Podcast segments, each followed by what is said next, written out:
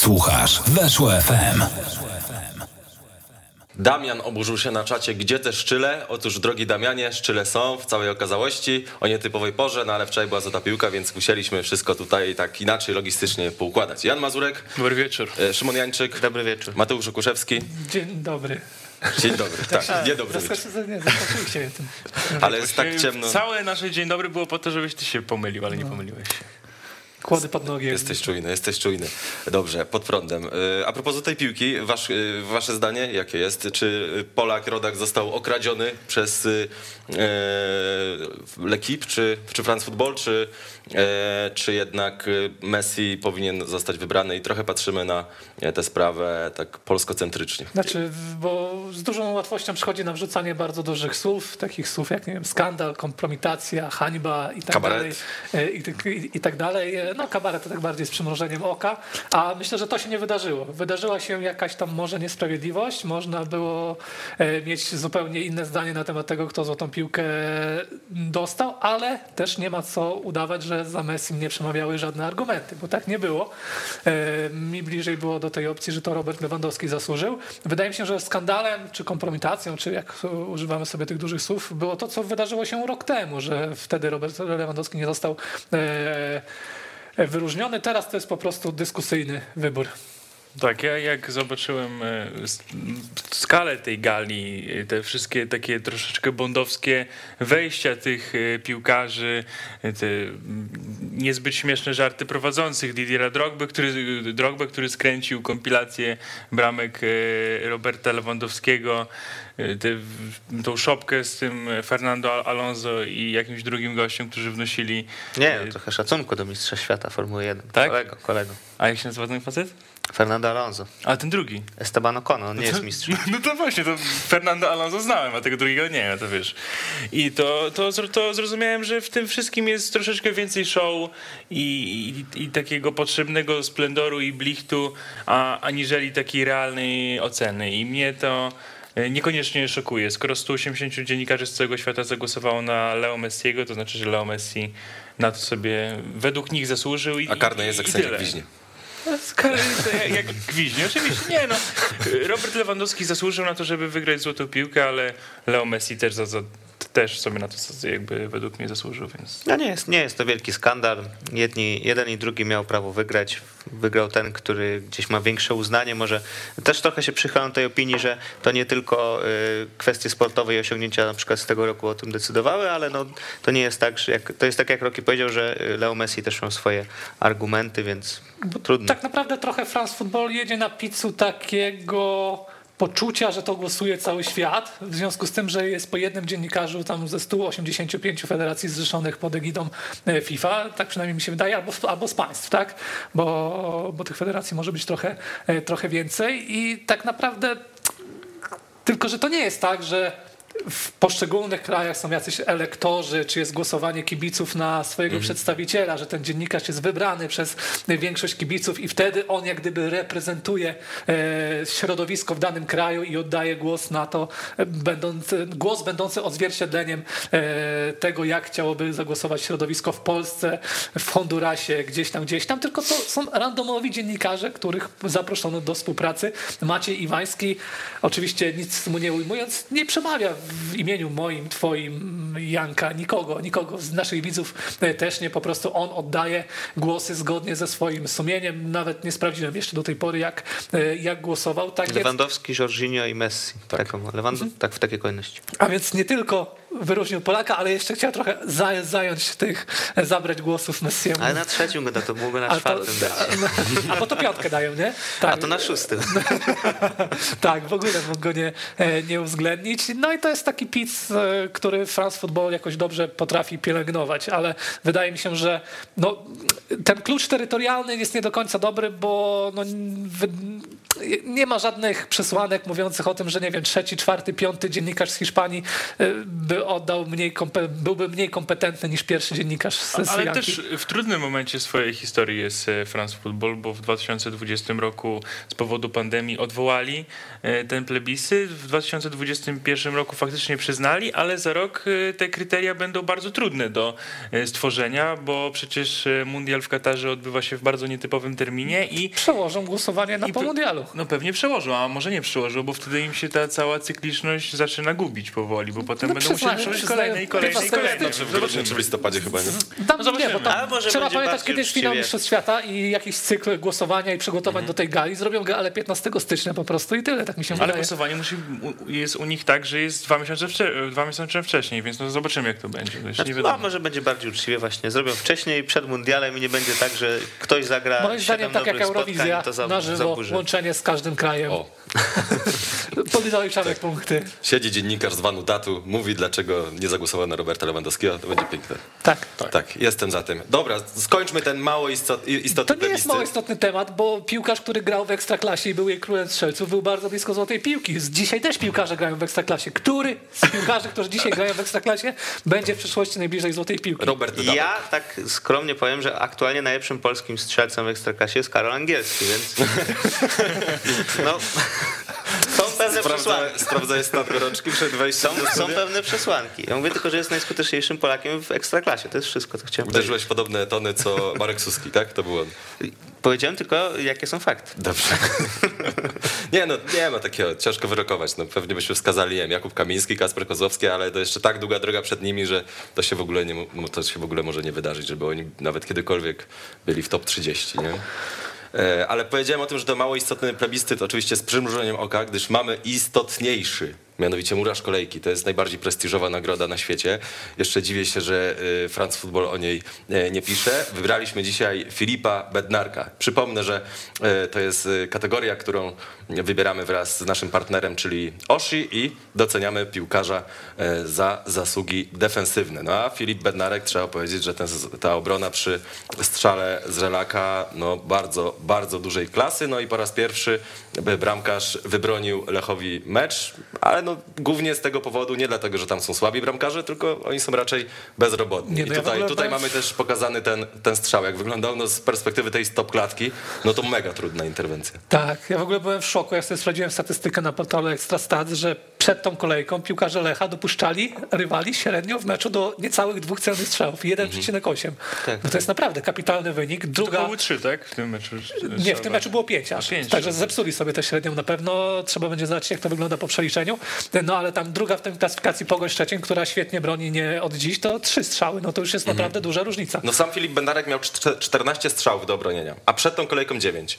No wiadomo, że nie grał przez cały sezon, bo na początku Tak, Van der tak. Hart grał, no ale i tak, no to jakieś... Chyba ciekawe zagrał może- meczów wcześniej, tak? Przy, y, przed tym spotkaniem. To były Ciekawa jest w ogóle ta dziewiąty mecz. rywalizacja, bo e, sorry, że ci Janek przerwałem. E, oglądałem sobie Kanal Plus i Ligę Plus Ekstra, kiedy gościem był Jakub Kamiński i tam w Pomidorze padło takie pytanie, że Filip Bednarek powinien zostać bramkarzem, pierwszym bramkarzem Lecha do końca tego sezonu i bez większego zastanowienia powiedział Jakub Kamiński, że tak, tak, więc no, nie wiem, czy przemawiał jako, jako drużyna, czy, czy, czy mówił bardziej w, swoi, w swoim imieniu, ale no jednak zaskoczyło mnie taka otwarta deklaracja ze strony młodego zawodnika, bo chyba miał wtedy jeszcze pomidora do wykorzystania. Obronił e, Filip Bednarek strzał Czyżyckiego, obronił w tej sytuacji wcześniej strzał Jasona Pape i potem obronił strzał z Relaka. E, Generalnie on ma w sobie taką dużą e, pewność siebie, która do tej pory nie była widoczna na boisku, tak? Bo jak się z nim rozmawia albo jak się do niego dzwoni, to on zawsze wygłasza takie mowy motywacyjne wręcz. On jest zafascynowany tymi treningami mentalnymi, zafascynowany, zafascynowany zachodnimi mówcami motywacyjnymi, a na boisku za rzadko było to widać i bardzo często było nawet tak w niektórych e, meczach, że kiedy piłka leciała w jego stronę, to nawet tej, tej takiej pewności brakowało, że zdarzało mu się wyglądać niepewnie, on się trochę rzucał jak Grzegorz Sandomierski na początku tego sezonu, czyli tak jak troszeczkę e, e, worek ziemniaków, ale tutaj autentycznie wyglądał dobrze i wydaje mi się, że ten mecz go też może trochę zbudować, bo też on w przeszłości mi opowiadał, że właśnie często miał z tym problem, że kiedy nie miał sytuacji, żeby się wykazać, kiedy nie zaliczał dobrych meczów, no to miał problem z pewnością siebie. To też z taką pewnością siebie boiskową oczywiście, z pewnością interwencji, z takim klejem w rękawicach, a po takim meczu może mu ta pewność e, przyjść, tym bardziej, że Miki van der Hart wcześniej w tych e, sześciu czy siedmiu meczach, które zagrał na początku sezonu wcale nie wyglądał lepiej, no też przez wzgląd na to, że Lech e, nie pozwalał na wiele sytuacji strzeleckich rywalom. Ale to widać u niego ten aspekt mentalny, bo on zawsze miał problem z wyjściami do dośrodkowań, przynajmniej zawsze na tym odcinku, na którym go znamy z ekstraklasy, e, bo kilka razy mu się zdarzyło zawalić, a gdy obronił ten strzał, który miał najpierw Papo, potem Źrelaka, e, no to już później wychodził do tych dośrodkowań naprawdę pewnie i łapał te piłki, jakby wiesz, jakby tam w NBA trochę pograł i, i, i koledzy mu gdzieś tam rzucali e, tę trochę cięższą piłkę wcześniej. Mhm. Na naszym Twitterze, na Twitterze kanału sportowego możecie wybierać jedenastkę e, minionej kolejki. Zobaczmy sobie teraz, jakie przygotowaliśmy dla Was kategorie. Wśród bramkarzy oczywiście rzeczony Filip Bednarek się znalazł, tak samo jak inny z Filipów, czyli Majchrowicz, a stawkę uzupełnia Maciej Gostomski. Wśród lewych obrońców Luis Mata, Dino Sztiglec, Dawid Abramowicz, wśród prawych Joel Pereira, Martin Kączkowski, Matias y, Johansson, no gość, który zaliczył taki bardzo słodko-gorzki występ, bo wszedł z ławki, strzelił gola, a później musiał zejść z... Blisko był też drugiego jeszcze. Tak, to prawda. A wybił piłkę z linii Taras Romańczuk. Wśród środkowych obrońców Antonio Milić, Mateusz Wieteska, Adrian Gryszkiewicz, Tomasz Petraszek. Środkowi pomocnicy Ben Lederman, Damian Dąbrowski, Marko Poletanowicz. Ofensywni pomocnicy Lukas Podolski, Sebastian Kowalczyk, Mateusz Praszelik, Iwi Lopez. I tutaj chciałbym się e, zatrzymać przy jednym nazwisku, bo to też zasługa Antonio Milicia, że Lech tak rzadko dopuszcza rywali do sytuacji strzeleckich. No trzeba powiedzieć, że ten transfer naprawdę się obronił, a w przeszłości Lech miewał problemy z tym, żeby e, dobrych środkowych obrońców sprowadzać. Myślałem, że powiesz, co Paweł Paczu sądzi Antonio Miliciu. Tak, słuchałem tego Że- programu, że byłem, był- byłem zdziwiony. Ja tą- też, tą- bo- Tą teorią redaktora Tak. Paczula, że przychodził gość, o którym kompletnie nikt się nic nie spodziewał. E, bo to nie było do końca tak, ale rozum, rozumiałem to właśnie na tym odcinku, że, o którym ty powiedziałeś, że Lech miał takie problemy ze sprowadzeniem Mhm. solidnego środkowego obrońcy, że może już tak z automatu wszystkich przypisywaliśmy, e, że się nie uda. Bardzo ciekawa sytuacja w Lechu Poznań, bo dzisiaj siedzi na ławce Lubomir Sadka i o ile wcześniej przez brak takiej solidnej jedynki na prawej obronie można było Lubomira Sadkę przesuwać na, tej prawej, na tę prawą Mhm. obronę i on sobie radził, ale fajnie obronił się też Pereira i teraz nagle nie ma miejsca dla Lubomira Sadki, który jest no mega solidnym e, piłkarzem jak na ekstraklasę, ale jeszcze solidniej wygląda ten duet Salamon-Milić I, i, i o ile na początku sezonu wydawało mi się, że to Salamon jest tym liderem defensywy, a teraz coraz bardziej przekonuję się do tego, że to może jednak e, Antonio Milić być wyróżniany, bo gdzieś tam sobie ostatnio też podsumowywałem nasze noty i on tam gdzieś piąte, szóste miejsce jak na całą ekstraklasę, to jest już kapitalnym wynikiem. No ciężko się teraz nie zgadzać z trenerem Skorzą, który mówi, że ktoś do niego dzwoni i mówi, że weźmie każdego zawodnika, którego ma w kadrze, nawet na tych odległych miejscach, bo faktycznie ta sytuacja choćby pokazuje, że no na ławce Lecha jest stoper, który w każdym zespole chyba ekstraklasy był podstawowym zawodnikiem. Tak, Niech marchewę ktoś weźmie, bo no, no, to, No i to jest jedyny, to jest jedyny chyba, który Ale on jeszcze, bo widzieliście tę sytuację, jak trafił w poprzeczkę i ta piłka się odbiła tak do góry i tak nie wiadomo było, gdzie spadnie i było takie fajne ujęcie w Kanal Plus, że za niego jeszcze i on z taką nadzieją patrzył, że to wpadł. Że, tak, ale nie, od- odbiła się jeszcze raz od poprzeczki i wróciła chyba na boisku. No ale gdyby Maciej Skorża chciał grać, chciałby grać trójką y, z tyłu, no to z szatką to ma już mega potężną formację. No ale nie chce i ma problem bogactwa. To by było bez sensu, jakby przeszedł na tą trójkę z tyłu, bo to by było już takie na siłę e, szukanie sobie no, tego nowego systemu. Mhm. Tak, tak, Pamiętajmy, no że Maciej tak. Skorża w bardzo, może paradoksalnie dobrym momencie wypróbował ten system z trzema e, obrońcami, bo wypróbował go w meczu z Rakowem Częstochowa wiosną. Ten mecz kompletnie Lechowi nie wyszedł, ale to też był taki moment, kiedy Lech był kompletnie rozbity. Mhm. I paradoksalnie, gdyby wtedy to wyszło, to nie wiadomo, a, a, a potem raz Lech wygrał, raz przegrał, to nie wiadomo, czy y, całe lato by nie zeszło Lechowi na eksperymentowaniu wo- wobec tego systemu, a w tym systemie, w którym Lech gra aktualnie, się Lech czuje trochę lepiej i takie na siłę szukanie nowego systemu nie zawsze dobrze wpływa na, na grę zespołu. Też piłkarze byli chyba dobierani pod to, żeby grać już e, tak jak teraz gra Lech, bo wydaje mi się, że gdyby był jakiś plan gry trójką, no to Adrian Balua byłby w tym systemie nie do końca przydatny, trochę jak To nieprzydatny jest Lirim Castrati e, w Legii Warszawa.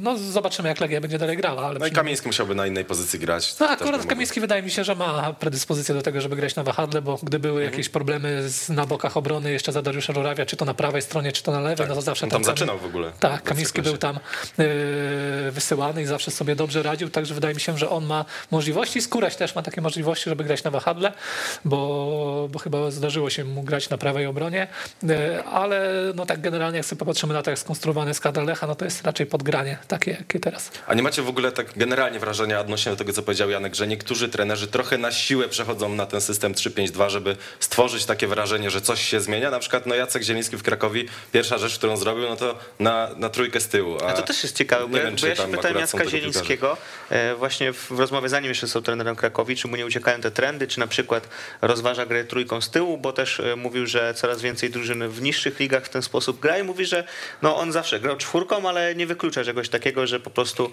e, pójdzie za tym duchem czasu i, i zdziwiło mnie, że aż tak szybko się na to zdecydował, ale jest to ciekawe, że akurat on e, na taki eksperyment postawił, bo to jest w ogóle chyba pierwszy taki przypadek, żeby on e, zdecydował się na grę trójką z tyłu. Ja go zawsze pamiętam jako trenera, który tak się trzymał tej formacji z czterema No, defensorami. Probierz już też w pewnym momencie próbował zmieścić Pestkę i Siplaka po jednej stronie, więc to też nie jest tak, że Krakowia dopiero teraz zaczyna jakieś podchody pod ten, pod ten system.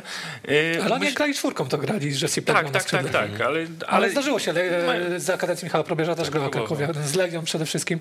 Więc sam jestem ciekawy, choć ja mówię, no takim Jacka Zielińskiego zadaniem jest to, żeby doprowadzić ten zespół do, do zimy. Po prostu on potrzebuje okresu przygotowawczego, bo teraz co, y, czegokolwiek nie zrobi, to jeszcze to jest ostra drużyna Michała Probierza. No. Myślę, Jacek też- Zieliński ma coś takiego, że zawsze pierwsza decyzja, jaką podejmuje, no to taka, żeby oczyścić atmosferę. Pamiętam, jak e, obejmował Arkę Gdyja, no to tam była duża burza wokół Markusa da Silwy i była taka sytuacja, że tam nawet delegacja drużyny chodziła do trenera Smuk i tak dalej, żeby tego Markusa dopuścić, a on powiedział, nie, ja tam, u mnie przed nim jest tam Michał Olczyk, pamiętacie, był taki zawodnik, tak, który tak. był w zasadzie obrońcą i powiedział, że na skrzydle jest przed nim w, e, w hierarchii i już e, później pamiętam, że jak Jacek Zieliński objął Arkę Gdynia, to pojechałem do niego i mówi, no już tam jak wsiadłem do samolotu do Gdyni, bo chyba samolotem leciał, e, no to już wiedziałem, że pierwsze co zrobię, to tego Markusa wstawię do składu, żeby się wszyscy byli zadowoleni. I tak samo teraz z Karolem Niemczyckim była trochę, bo była taka spina na początku sezonu, że d- dlaczego broni ten Chroszczo, w zasadzie nie daje więcej niż dawał wcześniej Karol Niemczycki i Michał Probierz był uparty, choć dostał swoją szansę w kilku meczach wcześniej e, Karol Niemczycki Jacek Zieliński. Pierwsze co zrobi, myk, Niemczycki do bramki, Chroszczo na ławce e, i od razu ten odbiór kibiców jest lepszy, ale z tą trójką też mnie trochę zaskoczył. No takie spolszczanie myślę Krakowi będzie trwało w najbliższym czasie i w tym okienku transferowym i też e, ciekawi mnie jak na przykład się rozwinie sytuacja Filipa Piszczka, bo on wrócił do składu jeszcze za trenera Probierza, ale no wrócił trochę dlatego, że nie było na kogo postawić. I tak trener Probierz mówi, jak już nie ma nikogo, to dajcie z tych rezerw Piszczka. A teraz z kolei Jacka Zińskiego zaczął w pierwszym składzie i wydaje mi się, że on może być takim trochę wygranym e, tej zmiany No, trenera. warto pamiętać, że dwa ostatnie dobre strzały Krakowi, czyli stworzenie reprezentantów Polski, czy przyłożenie się mocno do stworzenia reprezentantów Polski, Krzysztof Piątek i Michał Helik, to kadencja Jacka Zielińskiego jednak, bo Helik nie zagrał u Michała Probierza w Krakowi, mm, ale został sprowadzony jeszcze przez Jacka Zielińskiego, zresztą Helik debi- debiutował w Ekstraklasie za kadencji e, Jacka Zielińskiego, to był taki koszmarny mecz dla ruchu Chorzów z Jagiellonią Białystok 06.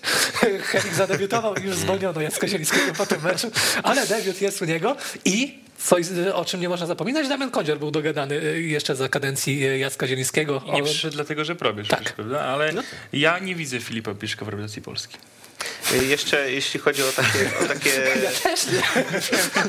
Jeśli chodzi jeszcze o takie e, z- atuty czy, czy zasługi Jacka Zińskiego, tam słyszałem, że jeszcze zanim powstał ośrodek wręczny, na którym mocno naciskał Michał Probierz, to też podobno on, e, w sensie Jacek Zieliński, bardzo chciał, żeby taki ośrodek powstał i, i za tym lobbował, więc też w jakimś stopniu e, taka zalążek tej, tego projektu się zrodził też pewnie w małym Ale stopniu przy jego nie inicjatywie. wyłożył tych kilku mi- milionów Jacek Zieliński, żeby ten powstał ośrodek. Nie, nie spotkałem jeszcze trenera, który by. Michał budował też nie. Tak, w ramach ciekawostki się dodam.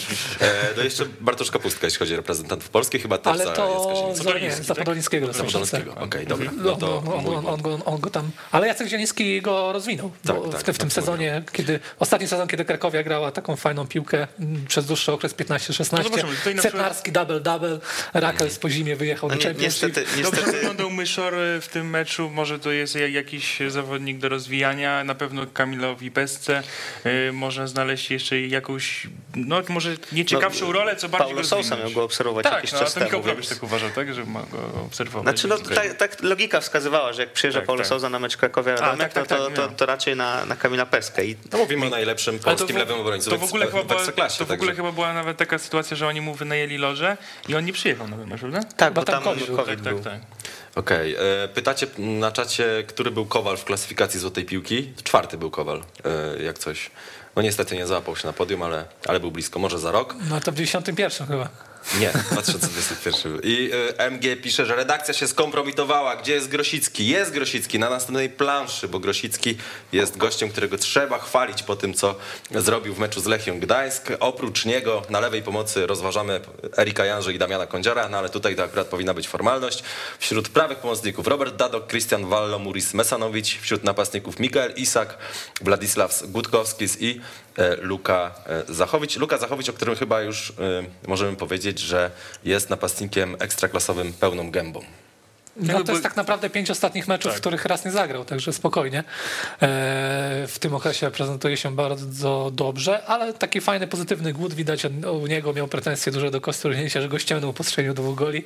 E, Jak masz Parzyszka jako zmiennika, no to też musisz tego Parzyszka utrzymywać pod prądem oczywiście, ale Luka Zachowicz raczej liczył na to, że strzeli e, hat-tricka i no tutaj wydaje mi się, że ta kwestia mentalna, o której już mówiliśmy wcześniej, też jest taka kluczowa, że skoro on się już teraz mocniej poczuł, no to będzie, będzie dawał jakość. Warto podkreślić, że kilka ostatnich bramek strzelił takich typowo snajperskich, tak? Bo nie powiemy, że sobie jakoś to specjalnie sam wywalczył, Tak, tylko tak, tak. wy- te Kończenie akcje typowo. raczej e, wykańczał bardzo dobrze zresztą i to też e, pozwala nam się zastanowić znowu nad tym e, tematem, nad którym nawet e, czy to Dariusz e, Adamczuk, czy Jarosław Mroczek wspominali bardzo często, że niekoniecznie jest to typ dziewiątki, a może będzie to dziewiątka, nie wiemy tego, więc jakby Mhm. m- może od ściany do ściany, jakbyśmy zadzwonili do, do, Dariusza Adamczuka teraz, to może by nam powiedział, że tak, to była. To był Może, może by tak powiedział, bo też zmieniły się trochę okoliczności w takim sensie, że mając na przykład Kamila Grosickiego, no to faktycznie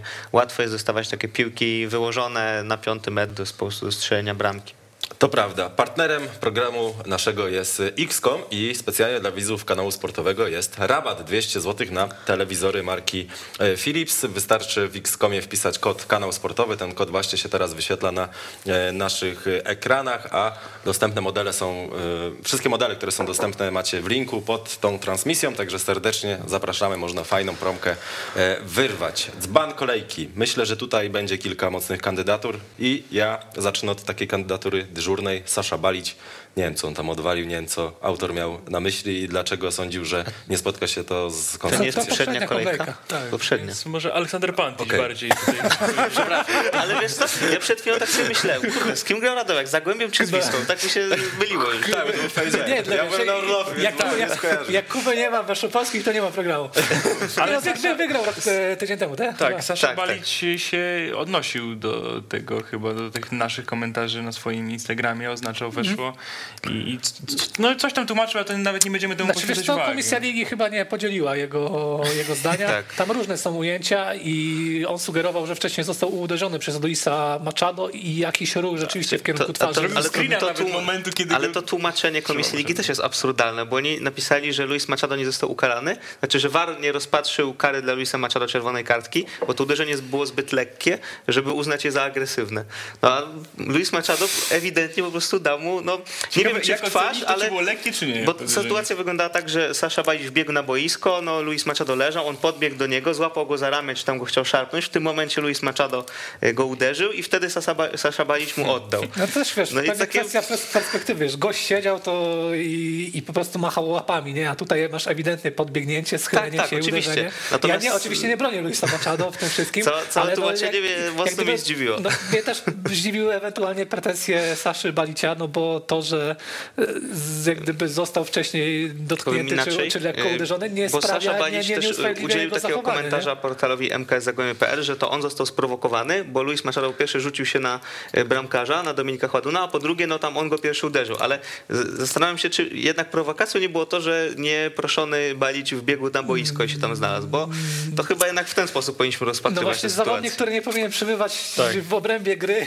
No właśnie, to jest prowokacja, że ktoś wbiega na boisko i atakuje rywala na nim, a nie, y, że, że no, tam jakieś bardzo, zamieszki są. zachował się Sasza Baliś, a miałem o nim dobre zdanie. Tak naprawdę dalej mam o nim dobre zdanie, bo wydaje mi się, że mm, wyróżniał się i solidnością piłkarską i, e, i mentalnie. Nie chyba jest... w poprzednim sezonie miał największą liczbę żółtych kartek, ale pr- bardzo rzadko za takie jakieś bardzo chamskie faule. No, ale on się żalił właśnie, że czasami już w tunelu dostaje żółtą kartkę od sędziego, żeby Za potem... sam wygląd, tak? Ale Taki ostro gra, no ostro gra. No, ale nie.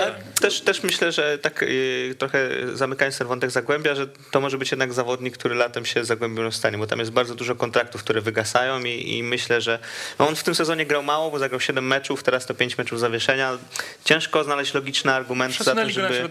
Ale z drugiej strony kontrakt. słyszałem, że gdzieś zainteresowanie, więc być może odejdzie latem do jakiegoś Znaczy tam jest problem, bo jest 12 czy 13 piłkarzy, którym wygasają kontrakty i duża część z nich e, jakby rozmija się z wizją klubu. W sensie na przykład klub chce ich przedłużyć, ale na innych warunkach i, i tam może być spora rewolucja po sezonie. Mhm. No dobra, no to inne No, kandydatury, ten- są państwo. No, Aleksander Pantisz Dariusz. Mioduski. Mój, mój pan Bo Tysia- o ile, o ile balić to ewidentnie poprzednia kolejka, tyle co, co zrobił Dariusz Mioduski ze swoim wywiadem, ze swoim zachowaniem w stosunku do reszty ligi, no to jest czwartek, dzień przed meczem E, i, i tu to możemy spokojnie zaliczyć, także to jest moja kandydatura i wydaje mi się, że dość mocna. W ogóle ten wywiad był wszechmiar głupi, natomiast głupie też było to, że on obniżył sobie swoją pozycję negocjacyjną przed rozmowami z Markiem Papszunem. No bo jeżeli ty jesteś pracownikiem i wiesz o tym, że jakaś firma bardzo cię chce,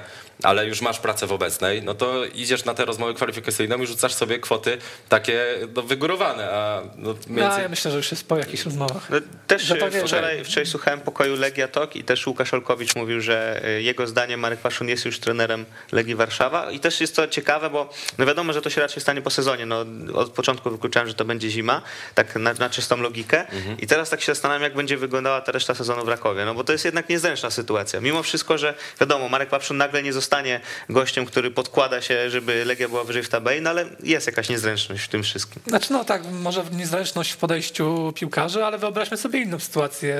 Pomimo tego specyficznego wydarzenia. Raków zdobywa Mistrzostwo Polski i, i wyobrażacie sobie, że Marek Papszun e, widząc, że ten projekt cały czas się rozwija i jeszcze nie dobił do swojego sufitu, bo moim zdaniem Raków pod wodzą Marka Papszuna jeszcze do sufitu e, nie, nie, nie, nie dobił, tam cały czas e, cały czas jest taki pozytywny ferment i ta drużyna nawet jak ma gorsze okresy, tak jak ostatnio i nie strzela goli, no to, no to się rozwija. I co, odchodzi, że nie, nie próbuje zrealizować o Lidze Mistrzów, To jest Z drugiej strony idealny moment na zejście ze sceny. Tak, i w to jestem w stanie uwierzyć pod tym względem, że e, no, Marek Pawszun, Legia to jest jakieś jego marzenie i takie on też jest z Warszawy, więc to jest jakiś em, prywatny cel, ale też no, mimo wszystko Legia Warszawa jako taki największy klub w Polsce jest dla wielu trenerów e, takim, taką przystanią, dla wielu piłkarzy tak samo i myślę, że no, nawet jeśli zdobędzie mistrzostwo z Rakowem, to mm, może czuć, że w tej Legii osiągnie coś więcej, czy po prostu większą renomę sobie zbuduje, będzie miał większe możliwości, Z perspektywy. drugiej No. strony, mm, tak, Można tak- magia, można magia tak do tego Legii, z podejść. jednej strony jest magia Legii, a z drugiej strony jest reputacja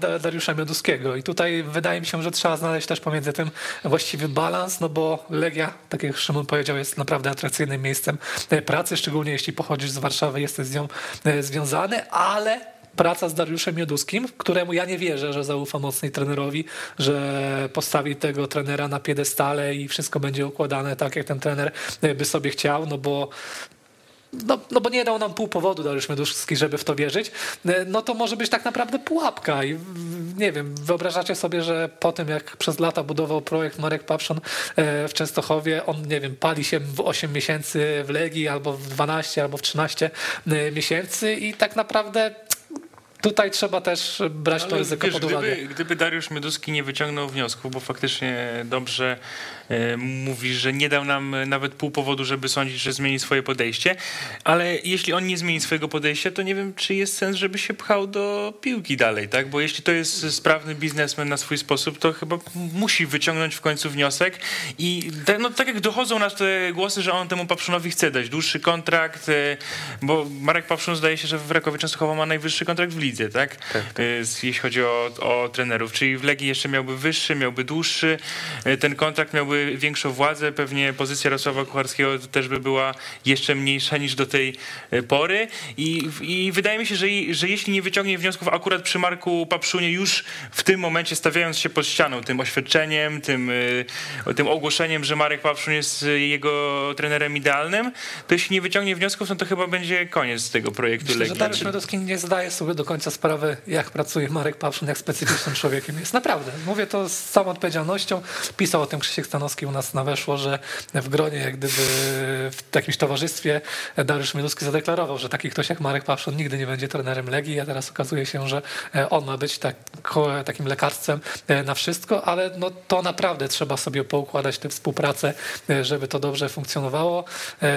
Z bardziej ugodowymi, czy schadzającymi częściej na kompromisy trenerami Dariuszowi Medowskiemu to się nie udało, a teraz z trenerem, który, który ma jakąś swoją bardzo specyficzną wizję, no to No ciekawi mnie, jak będzie wyglądał ten kontrakt. Czy tam nie będzie jakiś, czy Marek Paszczu na przykład, y, biorąc pod uwagę to wszystko, o czym mówimy, nie będzie chciał sobie wpisać w ten kontrakt jakiś klauzul, które go tak jakby zabezpieczają, żeby właśnie nie skończyło się to tak, że on odejdzie z tego Rakowa i za pół roku się okaże, że Dariusz Meduski zmienia zdanie, Nie, no ale słuchaj, no, pięcioletni kontrakt, tak? Tak, ale Więc czy, no, czy tam nie ma jakichś... Jeżeli go po pół roku zwolni, no to przez 4,5 lata mu musi płacić, tak? No Będzie tak, ale no też y, no wiadomo, że Marek Papszun raczej nie będzie trenerem, który tam chce siedzieć te 4 lata na kontrakcie y, i nie pracować. Dlatego no ciekawi mnie, jak będzie skonstruowany ten kontrakt, ale też y, mocno gra Wabank y, Dariusz Meduski, gwarantując to wszystko, czy tam zmianę pionu sportowego, y, długi kontrakt, długą pensję, jakiś wpływ, no i nie, uważam, nie że, wiem, czy to jest gra warta świeczki. że tak dużo ciekawsze będzie na przykład to, jakiego następcę sobie wynajdzie Raków.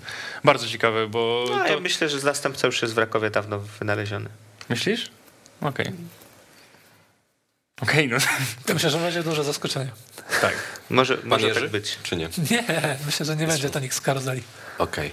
E, Tak, dobra, bo w no ogóle tak gdyby... Może już w Rakowie taki trener jest nawet, może asystent jakiś Marko Papszuna. Znaczy ja myślę, że po prostu Raków po pierwsze miał od dawna listę y, trenerów, który, którzy mogą przejąć ten klub w przypadku y, zakończenia projektu z Markiem Papszunem, a jeśli nie, no to y, już w momencie pojawienia się tych pogłosek na pewno takie rozmowy i kandydatury były prześledzone, no, no bo oni mniej więcej wiedzą, jakiego trenera szukają i wiedzą, ilu jest takich trenerów na rynku, w których mogą, że tak powiem, wybierać. No na pewno ten trener podczas rozmowy kwalifikacyjnej będzie musiał odpowiedzieć na wiele pytań z listy Michała Świerczewskiego. Mamy Dariusza Mioduskiego, mamy Ale- Aleksandra Panticia. Kogo dalej? Ja bym dorzucił Romana Gergela. Po pierwsze za fatalnie zmarnowany rzut karny, który był no, taki mocno na siłę, bo Roman Gergel chciał się przełamać, po prostu on jeszcze nie ma gola w tym sezonie, a był królem strzelców pierwszej ligi i to jest po pierwsze za ten mecz, w którym zagrał bardzo słabo i skiepsił tego karnego, a po drugie za taki całokształt w tym sezonie, bo wydaje mi się, że może być jednym z gorszych piłkarzy ofensywnych, e, ale na pewno najmniej produktywnych, jeśli chodzi o całą ekstraklasę Roman Gergel. Nawet sobie to liczyłem wczoraj. E, sp- Sprawdzałem piłkarzy, którzy ofensyw, stricte ofensywnych piłkarzy, którzy nie mają gola i asysty. Romana Gergela nie można nie mogę uwzględnić, bo on ma jedną asystę, ale zaskoczyło mnie to, że cztery z czterech pierwszych miejsc to jest trzy, to jest tercet z, z Warty Poznań. Papo, Jakubowski i, i Mario Rodriguez, także tam w tej czwórce chyba jeszcze jest Może Żukowski domknąć tą e, grupę, zasłużył bo. Grosicki się z nim zabawił. Oj tak. A jeśli o, o, chodzi o ten mecz e, z Brookbetem, to Paweł Głaszewski w niedzielę chodził i cały czas mówił, że otrzymał ten raport statystyczny z Ekstraklasy i Nikola Stol- Stolikowicz w 60 minut zaliczył chyba dwa kontakty z piłką. Tak, nie, dwa podania. Dwa podania, Kontaktów tak. pewnie więcej. To się zdarza czasami. Tak samo miał, nie wiem, Zajc, jeśli chodzi o Zagłębie, też byłem zdziwiony, bo to chyba było dwa lub trzy. W tym chyba raz od środka, jak zaczynał. No, ale no, on na pewno nie wykorzystał swojej szansy Nikola Stalikowicz, bo Toryli wszedł i od razu wyglądał zdecydowanie e, lepiej. Ale Żukowski faktycznie w tym Tak. miejscu. Mateuszu Żukowski, szanowny jesteś wśród e, nominowanych. Ja bym dodał jeszcze symbolicznie dwie kandydatury, ale to już bez ankiety. Pierwsza megafoniarz z Płocka. Spektakularna jest, rzecz. tak. No, jeżeli szukacie kogoś, kto wkurzy e, publikę, to e, dzwońcie do Płocka. I druga prąd w Częstochowie. No myślałem o tym właśnie, elektro, elektrownia w. Częstochowie, tak. To też by się e, nadawało. Wybierzmy zatem Jastrzębia, no i tutaj dyżurna kandydatura Kamil Grosicki. Niemalże perfekcyjny mecz, trz- trzy asysty, kluczowe A podanie. sprawdzałem sobie w Wow. instacie, jak to wypadło, bo myślę, o, tam pewnie będzie miał ten instant, nie wiadomo jaki Kamil Gosiński, 299.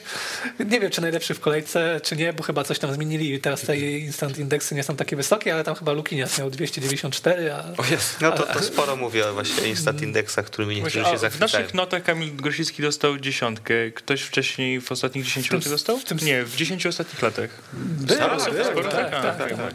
Pamiętam Gergel wspomniany był taki mecz Piast Gliwice, Cztery gole tak, tak. gole. Tak, tak. Nie, no były dziesiątki często. E, No nie, no nie często. Ale rzadko no, tak, tak, myślę, że maks dwa, trzy razy w sezonie wyciągamy Mhm. te dziesiątki, ale, ale się zdarzają. Na pewno, nie wiem, bo był taki mecz, jak Marcin Robach strzela 5 goli Lechowi Poznań, no to, to nie dasz mu 9, nie? No, wiadomo, A czemu nie sześć? tak, no, Ale w tym sezonie to najwyższa nota, bo miał, No, w miał- tym sezonie miał nie Kamiński dziewiątkę, chyba Lopez dziewiątkę. Chyba miał. Chładon miał z Wartą Poznań. Chładon też dziewiątkę miał, Kapitalny tak. występ. Tak. E, Amaral chyba dziewiątkę też miał. Jako druga kandydatura Iwi Lopez. Ja no, ode mnie Filip Majchrowicz, nawet nie tyle za postawę, co za postawę. A, nie chciałem wyskakiwać. Po, po, postawę poza piłkarską, bo no, rozkleił się po meczu. E, Później Dariusz e, Banasik w studiu zdradził powody i, i to na pewno jest coś takiego wartego podkreślenia. Taka sytuacja spotkała też Kubę Kamińskiego, e, tam była śmierć mamy, e, a nie babci. Ale, Dariusza Formele, to już w, w Stanach. tak, tak, tak. Tak więc wydaje mi się, Tak. że za ten aspekt i sportowy, i ludzki, jak najbardziej. Jak najbardziej. I Wi Lopez też mógłby być, na pewno Filip Bednarek mógłby być, choć jak już mamy Majchrowicza, no to nie no, może być Nie, Bednarek. Bednarka, tak. też mi się wydaje. Ewentualnie Luka Zachowicz. No, No to Bednarek. wybierzmy między Lopezem a Zachowiciem. Ja bym dał Lopeza jednak. Dla większej różnorodności też trochę, bo przełamał się.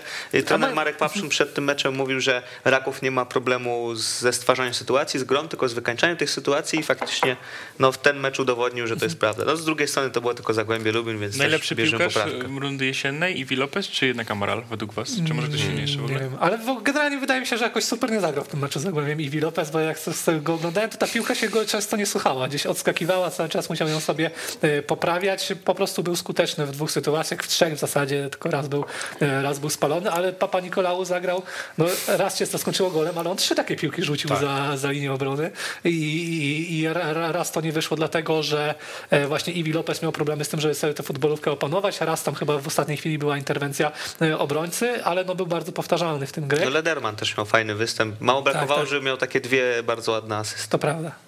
To Ledermana możemy docenić w bąbelku 16 kolejki, czyli e, naszej kategorii, w której wybieramy najlepszego młodzieżowca. Tak, ben Ben Le- Lederman jak najbardziej tutaj. Ben Lederman, ben Lederman, który po powrocie po kontuzji jest bardzo konkretny, bo nawet jak nie gra dobrych meczów, to często zdarzy mu się jakieś kluczowe podanie i, i, no, i generalnie jest, podoba mi się ten Może gość, nie naprawdę. przepaść, ale duża różnica pomiędzy Ledermanem a pozostałymi młodzieżowcami. No to na pewno, tak. Choć pewnie Trelowski też mógłby się bronić, wiesz, w tym e, aspekcie, więc jakby też e, Raków ma dwóch takich młodzieżowców, którzy są jeszcze w miarę taki, tacy, że mogą grać i nie ma, nie ma wstydu nawet w drużynie, która walczy o Mistrzostwo Polski. Kto dalej? Praszelik, więc oczywiście. Tak, bardzo fajny sezon Mateusza Praszelika, znowu konkret. E, Pamiętam, że w zeszłym sezonie miał e, jesień dobrą, a wiosną przygasł, to oby Mateuszu nie było tak W tej bramce teraz. było, było trochę szczęścia jego, bo Ale wcześniej miał też taką akcję podobną i mu obronił to Strączek, także na pewno bardzo dobry występ. E, W zasadzie jak Śląsk ch- chciał zagrozić bramce, no to grając w dziesiątkę, no to Mateusz Plaszelik e, spełniał tę rolę e, zastępcy Erika Exposito, który bierze w takich sytuacjach często grę na siebie, a idąc dalej, no Majchrowicz, tak? Jeszcze raz. Tak, no musi być, skoro został Ja się zastanawiam na przykład nad Cielemęckim, który drugi raz, drugi mecz rzędu zagrał, nie, znaczy skończy z bramką na koncie. Może nie tyle, że zagrał jakoś wybitnie, ale jednak też troszkę takie symboliczne odrodzenie, y, no, nawet nie odrodzenie, tylko po prostu powstanie tego piłkarza, że on zaznaczył swoją obecność w Ekstraklasie. to Ja skontruję Kubicą też właśnie. No, bo jednak On jest bardziej powtarzalność. Tak, powtarzalność w ogóle w dochodzeniu do strzałów z głowy, no coś niesamowitego. Ale autentycznie mógł ten mecz skończyć z hat-trickiem, Tak, spokojnie. tam rozbroiła mnie taka sytuacja, kiedy była trochę taka świeca zagrana w pole karne, jakaś wysoka piłka, ale Kubica gdzieś tam na, na dalszym słupku jeszcze też tą Tak, piłkę tak, głową z, ściągnął. A ciekawe jest to, że tak nie do końca ceni e, właśnie Kubicę i Jan Urban, bo to nie jest piłkarz w jego stylu. Jan Urban już od czasów Legii wolał takich pomocników typu Dominik Furman wprowadzać i teraz w, to samo jest w Górniku Zabrze. Mamy ten przykład Stalmacha, 15-letniego, ale wcześniej był też e, taki piłkarz dziedzic, e, którego, na którego stawiał prędzej niż na Krzysztofa Kubicę Jan Urban. Krzysztof Kubica trochę nie daje mu wyboru, że tak powiem, bo wchodzi i robi po prostu swoje, jest bardzo konkretny. Strzelił już cztery gole, mógł strzelić trochę więcej, tak więc... Chyba dwa nieuznane miał też, z tego co tak, pamiętam. Tak, tak, tak. No ale na pewno ciekawy piłkarz, choć widać, że nie do końca w stylu Jana Urbana, bo on by wolał takiego bardziej mobilnego, no, pewnie o innych warunkach fizycznych, ale też o innych umiejętnościach gry w piłkę środkowego pomocnika obok Alassany Mane. Mhm, dobra, w takim razie Bo to Krzysztof bardziej Kubica... Krzysztof Kubica bardziej do Marcina Brosza pasuje, że tam zawsze, jak pamiętacie, jakiś prochaszka biegał czy ktoś, no to... Tak, tak. E, W takim razie Krzysztof Kubica e, e, uzupełnia stawkę młodzieżowców i jeszcze wybierzmy Borysiuka 16 kolejki, czyli najładniejszego gola. Myślę, że tutaj tak ankieta będzie formalnością. Lukas Podolski wpisuje. Kowalczyk strzelił bardzo ładną bramkę na pewno. Walo strzelił ładną bramkę. Tak. Palo też ładną bramkę. I możemy docenić yy, którąś z asyst Grosickiego na pewno też. Ja ja się zastanawiałem nad Petrem Szwarcem, bo to była trudna piłka, a on tak sytuacyjnie uderzył z, e, i tak nie do obrony w zasadzie. Ja byłbym za Szwarcem. No ewentualnie Dąbrowski za Panenka, ale raczej Szwarc. No, bardziej Szwarc myślę. W takim razie Petr Szwarc i pierwszy kontakt głosujcie. Petra Szwarca, jeśli chodzi o Raków Częstochowa, e, o Śląsk. Wrocław, bo on w Rakowie był, właśnie pokazywał, że ma bardzo dobrze ułożoną ro, nogę i stałe fragmenty gry, dośrodkowania e, i bramki strzelane czasami z rzutów karnych, ale nie zawsze z rzutów karnych, a tutaj w Śląsku nie potrafił tego dać do tej pory. Dopiero teraz się przebudził, pewnie w najlepszym momencie, bo, bo Śląskowi była ta wygrana bardzo mocno potrzebna. Ale we Wrocławiu pojawiały się takie głosy, że zawodzi ich ten e, Petr Szwarc, zawodzi, bo nie ma liczb, ale ja uważam, że aż tak źle nie wygląda, żeby, mu, żeby mówić, że zawodzi. No i jeśli ktoś ściągał go z Rakowa Częstochowa po to, żeby znów wykręcił, nie wiem, 8 goli i 4 asysty, czy odwrotnie, to faktycznie e, może być zawiedziony, ale pamiętajmy, że Petr Szwarc już e, pod koniec tego swojej przygody w Częstochowie często był jakimś e, jednym z trzech obrońców i pełnił bardziej rolę taką zadaniową, więc ja bym nie wymagał od niego zawsze liczb, tylko bardziej tego, że jest to zawodnik taki z pogranicza szóstki, ósemki, a też bardzo uniwersalny, można go na wielu pozycjach Ale, nawet, ale on no. też chyba nie bronił się grą do końca. Ja te pretensje kibiców rozumiem, że to jednak y, ja też spodziewałem się więcej. On dobrze mówi, że w Rakowie miał ten świetny sezon, kiedy Raków awansował do, y, do ekstraklasy. Potem miał gorszy sezon związany z tym, że było wiadomo w pewnym momencie, że on nie przedłuży kontraktu i był tak trochę odsuwany na On boczny trochę chciał przedłużyć chyba sam, prawda? Y, Nie, nie wiem, chyba tam różnie, różnie to wyglądało. nie? Mi powiedział, że chciał przedłużyć kontrakt. Nie. Ale To może- może tak mówił, wiesz, kurtuazyjnie, Wydaje, mi się, że to była Tak. jakaś taka dłuższa gra, że on na początku myślał, że może liczyć na jakieś dużo lepsze warunki. E, Raków uznał, że może nie liczyć. Później Szwarc chciał przystać na gorsze warunki, wtedy już Raków może nie chciał. I tak to się jakoś odbywało. Mhm. E, ankiety wrzucone. E, wydarzenie tej kolejki, no to pewnie mecz Legii z Jagiellonią, no bo Legia wreszcie wygrała, ale dla szczytu tabeli znacznie ważniejsze było spotkanie Pogoni z Lechią Gdańsk, które zakończyło się bardzo imponującym zwycięstwem portowców 5 do 1. Czy waszym zdaniem to jest taki mecz, który ustali hierarchię? Bo ja miałem wrażenie, że Lechia oczywiście trzeba było ją doceniać za to, że bardzo fajnie gra, bardzo fajnie punktuje, ale że to nie potrwa wiecznie, że tak twardych argumentów Pogoń czy Raków mają znacznie więcej po swojej stronie, żeby być w y, top 3. No i ten mecz trochę to pokazał, że Lechia fajnie grała, ale jeszcze nie jest gotowa na, na czołówkę i docelowo to będzie drużyna z miejsc 4-8. Raz, że Raków, e, znaczy nie Raków, tylko Pogoń ma lepszy skład e, i większe gwiazdy, większe postacie niż Lechia Gdańsk. E, Dwa, że Raków Częstochowa jest drużyną, która jest taktycznie dużo lepiej skonsolidowana niż Lechia Gdańsk, więc w Lechii dopatrywałbym się takiej piątej, szóstej siły tej ligi, nawet mimo tego, że e, za Tomasza Kaczmarka zaliczyli bardzo dobry start, to przecież nawet sam Tomasz Kaczmarek wspomina, że ta jego drużyna będzie jego za rok, tak? Więc siłą rzeczy ten start nie mógł trwać wiecznie, bo tak jak wspominał Tomasz e, Kaczmarek, że są pewne elementy, które można wprowadzić, są zawodnicy, których można zbudować na samym początku, są pewne automatyzmy, które wymagają tygodnia pracy czy dwóch tygodni pracy, ale żeby ta drużyna zaczęła mieć jakiś taki wiel- szkielet taktyczny, który będzie stricte dopasowany do tego pomysłu Tomasza Kaczmarka, to potrzeba okresu przygotowawczego, potrzeba pewnie jeszcze wiosny. Tomasz Kaczmarek ma czas, i dzięki temu, że dobrze zaczął, to myślę, że w Lechi ci zarządcy tego klubu, którzy, na, którzy przez wiele lat no, mieli czasami problemy z zarządzaniem e, klubem, Ładnie to ująłeś. będą mogli tak, e, będą mogli po prostu dać mu duży kredyt zaufania, tak? Czyli że Kaczmarek będzie mógł budować tą koncepcję, tą wizję e, na swój sposób, a to, że Lechia przegrała z Pogonią, to też chyba posłuży wszystkim, bo taki kryzys, taki, e, taki mm, zimny prysznic trochę też ostudzi te nastroje w Gdańsku, bo to aktualnie nie jest drużyna, która myślę, że ma potencjał, żeby grać o Mistrzostwo e, Polski. Na europejskie puchary jak najbardziej, ale na mistrzostwo to jest jeszcze za mało na razie. No ale Tomaszowi Kaczmarkowi na pewno jest trochę przykro, że akurat Kostarun Jajć, który go tak dobrze zna i z którym współpracował, aż tak go zezłomował, no bo to było kompletne takie wyjaśnienie. I też zastanawiam się, na ile to było tak, że Kosta rozczytał swojego byłego współpracownika, a na ile to jest po prostu, y, no bo Pogoń już w poprzednich spotkaniach u siebie pokazywała tę siłę ofensywną, wygrywała tam po 4-1 bodajże trzy razy, więc no to też nie jest tak, że, że nagle wyskoczyli z takim wynikiem i e, można przypuszczać, że to jest jakiś efekt po prostu też wcześniejszej dobrej formy i tego, że Pogoń w ofensywie po prostu jest nie do zatrzymania, nieważne z kim gra. No trochę odcinał się od tej współpracy Tomasz Kaczmarek, zapytany o to przed meczem na konferencji prasowej, mówił, że to wcale nie jest tak, że Kosta Roniaić był jego mistrzem, on był jego uczniem, to że po prostu się znają i No zobaczył. Bóg wie, długo też nie pracował w Szczecinie. No tak, tak, ale y, bo czasami po prostu mógł wypowiedzieć się o nim z pełnym szacunkiem i dziennikarze by sobie sami tę narrację stworzyli, a on, kiedy mu taką narrację zasugerowali, stanowczo zaprzeczył. Także, y, także no tutaj chciał, chciał, pewnie pokazać, że, y, no, że to nie jest tak, że, że, że Kosta Runiaić to, to dla niego nie wiadomo kto, jeśli chodzi o trenerkę, że on jest raczej tak na tyle ambitny, na tyle, na tyle perspektywiczny, że, że, że nie musi sobie szukać jakiegoś mistrza takiego.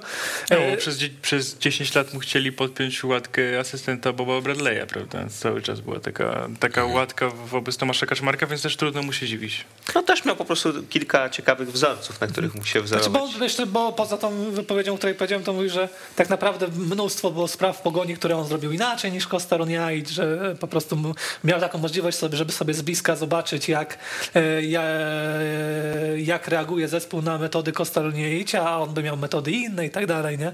Także powiedział, że w zasadzie no, g- głównie pogoni zawdzięcza to, że po prostu no, poznał tam ekstraklasę, zna kluby, zna piłkarzy i tak dalej, nie? E, A jeśli chodzi o warsztat, no to też coś tak podpatrzył, ale bez przesady. I tutaj takim meczem Costa Roniaić powiedział, no to trzeba było bardziej uważać, stary. E, Rzadko mówimy w naszym programie o Radomiaku, a jako, że jest Szymon, no to może wykorzystajmy go i e, powiedzmy, bo Radomiak radzi sobie nadspodziewanie dobrze, e, zwłaszcza, że jest Beniaminkiem, no to już w ogóle, patrząc na historię Beniaminków z poprzednich lat i pojawiają się naturalnie takie porównania, że Radomiak może być drugą wartą Poznań, natomiast no, na tym etapie to wydaje się, że może być czymś znacznie lepszym niż Warta jest, To Poznań. jest kalanie naszych uszu, że tak powiem, w Radomiu, bo też tak, bo- Marcin, no bo Marcin Warta- Bożecki się przed tym warta zbrania. Tak, to I- po pierwsze i Warta grała piłkę no taką toporną jednak, a Radomiak fajnie się ogląda. I właśnie na tym, na to zwraca uwagę Dariusz Banasiek, bo on stwierdził, że już go po prostu nawet troszkę irytują te porównania do Warty, bo on preferuje zupełnie inny futbol. Oczywiście e, w kontekście wyniku i takiej niespodzianki jak najbardziej są to zasłużone porównania i ja się na przykład na nie nie obrażam. No bo kończyć e, czy być w tabeli tak wysoko, no to e, zawsze jest plus, ale też rozumiem trenera, który e, chce jakby, no też nie chce być porównywany, chce, żeby zapamiętano go, że to on zbudował Radomiaka, a nie, że on był nową wartą na przykład, bo to zawsze jest jakaś, jakaś ujma. Spodobało mi się to, że Dariusz Banasik szukając takiego nowego pomysłu dla Radomiaka, bo teraz w obliczu tej serii pięciu zwycięstw może nie wszyscy pamiętają, ale był gorszy moment, jeśli chodzi o Radomiaka, kilka, kilka ładnych tygodni bez zwycięstwa. Szukał jakiegoś nowego pomysłu dla drużyny i e, uznał, że granie dwójką napastników to może być coś, co, co pozytywnie wpłynie na jego ofensywę i to super wypaliło. Mauri też z angielskim, chociaż raz tam się prawie poszarpali przy rzucie karnym, e, to współpracują Podobno naprawdę dostał fajnie. karę później za to Mauri Mauri. też, tak? No miał duże ciśnienie, żeby wtedy strzelać i... Wiesz, ten Banasik to króciutko z nimi no, tam trochę, nie, nie trochę ma. tak zbił, zbił, z pantałyku angielskiego i jakby angielski nie strzelił, no to można było tak to tłumaczyć, że trochę kolega mu nie, e, nie pomógł w tej sytuacji, ale to naprawdę fajnie działa, a Radomiak e, w pierwszej lidze nie grał na dwójkę napastników, Radomiak grał takim bardzo On klasycznym początku, 4-2-3-1. od, od początku drugiej lidze to było zawsze 4-2-3-1. Trener Banasik nie Tak. odchodził od tego I, czasami, I też ale wydaje to... mi się, że tych dwóch napastników przed linią, e, dwóch pomocników przed linią obrony było było bardziej nastawionych na defensywę niż ofensywnych, a tutaj w Ekstraklasie się, tak, też tak. jest bardziej to tak przesunięte do, na ofensywę, w związku z tym, że większą rolę odgrywa Felipe Nascimento, bo on wcześniej już był w Radomiaku e, na wiosnę, ale ta wiosna to nie był, nie, nie był tam pierwszoplanową No nie, postacią. nie, on często też wchodził z ławki, trener- trener go tak bardzo Ka- ostrożnie albo ewentualnie Radecki, nie? Tak, tak. E, Radecki bardziej na dziesiątce, no to też wynikało z tego właśnie to przejście, że po prostu Radomikowi brakuje dziesiątki do tej gry Dariusza Banasika, no bo Mario Rondon okazał się e, niewypałem takim transferowym, można już to chyba przyznać. Mateusz Radecki cały czas zmagał się z kontuzją, teraz e, też wypadnie na kilka miesięcy, bo, bo przechodzi zabieg, więc mm, różne były pomysły. Był, był też gdzieś rozważany pomysł może trójki z przodu, żeby zagrać bardziej 4-3-3 albo 3-4-3, ale no trener stwierdził, że najlepszych zawodników ma do tego ustawienia 4-4-2 i to się też sprawdziło i e, zauważyłem, że bardzo fajnie się Maurides zaczął z Karolem Angielskim zupełnie. Czy to widać, że to jest taka współpraca, na której obaj korzystają i obaj, obaj to czują, obaj wiedzą jak grać.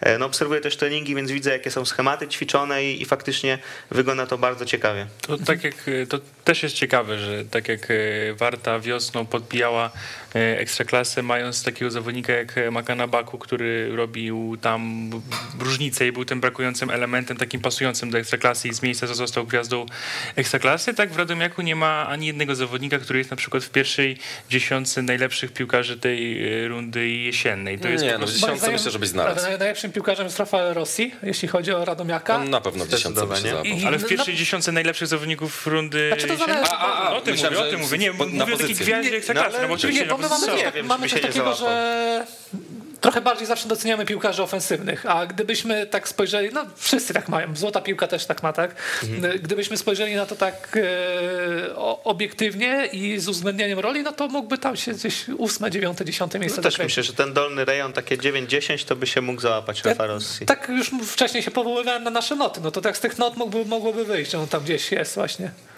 Bo On, ma, on ma dość wysoką No średnią. tak, i też y, Leo może nie jest takim zawodnikiem na top 10, ale warto docenić to, w ile, bram, y, ile bramek wypracowano dzięki niemu, bo tam są bramki, asysty, asysty drugiego stopnia. No, jest to zawodnik, po którym, y, który zresztą pierwszy mecz zaczął na ławce rezerwowych i wydawało się, że może w Ekstraklasie to, że on już jest troszkę wiekowym zawodnikiem, to, że ma te najlepsze lata za sobą, zostanie, będzie powodem, dla którego on jest bardziej rezerwowym, takim jokerem, a tu się okazało, że on robi najlepsze liczby w całej drużynie i też y, jego, jeśli chodzi, jeśli już mamy zwrócić uwagę na ofensywnych piłkarzy, to jego bym wyróżnił najbardziej. Generalnie w- jakość Radomiaka widać po jakichś indywidualnych statystykach, bo na przykład Michał Kaput jest drugim najlepiej odbierającym w lidze piłkarzem po Tarasie Romanczuku.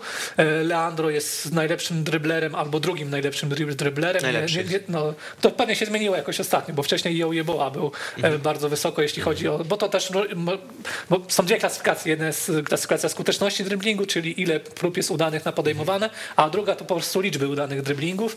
E, I tutaj w tej liczbie udanych dryblingów pewnie jest bardzo wysoko e, Leandro. E, Dawid Abramowicz bardzo wysoko, jeśli chodzi o dośrodkowania i podania celne w pole karne. Też pierwsze albo drugie miejsce, ewentualnie no max, max trzecie, tak? Bo, bo, bo tak jak mówię, nie mam aktualnych danych po tej kolejce, ale na pewno jest w czołówce tej klasyfikacji i myślę, że jeszcze kilka byśmy takich mogli No Karol. Angielski i ta jego statystyka, że on ma 14 strzel- celnych strzałów, 7 bramek, to też jest dość imponujące, bo po prostu może nie jest zawodnikiem, który e, mega Z karnych często... większych bramek, tak? E, tak, nie, no, nie, chyba z karnych ma dwie bramki, A, jak dobrze dwie kojarzę. bramki, okej. Albo, albo maksymalnie trzy. A nie cztery? Cztery chyba ma, właśnie dużo mamy tych bramek. Mi się wydaje, że ma trzy, że większość to jest jednak Tak? bramki z gry. Ale może to się zmieniło ostatnio, Sprawdzę. bo... To jest z Legią pamiętam z gry na pewno. E, Z, Z Lechią z karnego strzelił, teraz z karnego. Trzy na pewno z e, karnego. Tak, trzy na pewno ma z rzutów karnych, jak kojarzę, a tej czwartej sobie nie mogę przypomnieć. No ale też jest, e, ta jego skuteczność jest po prostu duża i te rzuty karne też wykonuje pewnie, no bo warto przypomnieć, Strzelił taką Leandro, śmieszną bramkę zmęczną, to by jest z gry na pewno, bo jak się odbiła od poprzeczki i wróciła Tak, tak. do bramki. bo na przykład Leandrów, y, który To jako myślę, pierwszy podszedł do rzutu karnego, no. zmarnował ten, tę jedenastkę, więc ta zmiana też nie jest przypadkowa, że on jest wykonawcą rzutów karnych. Chwilę będę potrzebował, żeby to zweryfikować. Natomiast w międzyczasie, w międzyczasie was zapytam, czy y, widzicie w tym Radomiaku takie fundamenty do tego, żeby ta historia potrwała dłużej niż ten fajny sezon? E, no bo wiadomo, że Beniaminek może zaliczyć dobry sezon tak jak Warta, a później ten drugi podobno jest znacznie e, trudniejszy, a też nie wiem, czy Radomiak stoi na tak silnych organizacyjnych podstawach, by zakładać, że on w dłuższej perspektywie może okazać się takim mocnym średniakiem. Y, Na pewno biorąc pod uwagę to, co opisywałem w tekście o tym, jak funkcjonuje Radomiak, to jakieś... e, Cztery z karnych. A proszę. Czyli jeszcze jakaś była. Y, no jakieś podstawy mm, tego ciekawego projektu, tego innego Ci podejścia ludzie, trochę. którzy tam pracują z Mołdawii, z Rumunii, oni zostaną dłużej, czy nie? Tak, tak. Oni mają długoletnie kontrakty podpisane z klubem, więc no, nic nie wskazuje na to, żeby mieli odejść. No też ta postać, której nie ma w klubie, ten Arkadi Zaporożano jest mega ciekawą osobą, bo to jest bardzo bliski współpracownik e, Mirczej Luczesku, człowiek, który w jakiś sposób pośredniczy, czy wpływa na to, jacy piłkarze trafiają do Dynama Kijów, więc e, nawet wczoraj rozmawiałem, że to nie jest y, gość, który robi transfer do Radomiaka, ale to, że jego bliski współpracownik je robi, może oznaczać, że na przykład, nie wiem, przy jakimś transferze y, on powie zawodnikowi, warto iść do tego klubu, a to znaczy no, mega dużo na rynku transferowym. Czegoś takiego y, Radomiak by nie miał, gdyby nie te osoby, więc to jest taka podstawa, ale myślę, że kluczem będzie nie ten rynek zagraniczny, ale jednak rynek polski, żeby też na tym rynku polskim potrafić, e, potrafić znaleźć młodzieżowców, potrafić znaleźć ciekawych piłkarzy, którzy uzupełnią tę ligę, no bo na ten moment możemy ocenić, że Radomiak ma dostęp do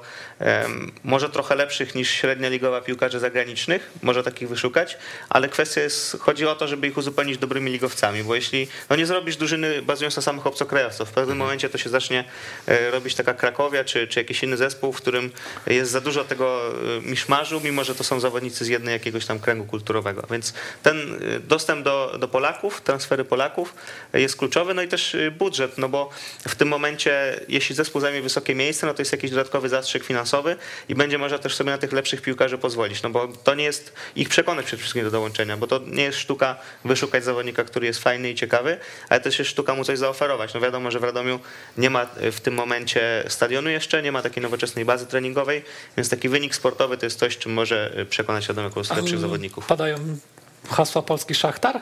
Bo wiesz, wymieniamy angielskiego na Brazylijczyka albo Portugalczyka. Rosji odchodzi, tam stawiamy Polaka. Kaput odchodzi, tam stawiamy też Brazylijczyka. I no mamy taki trochę mały szachtar. No może tak być. Luczesku.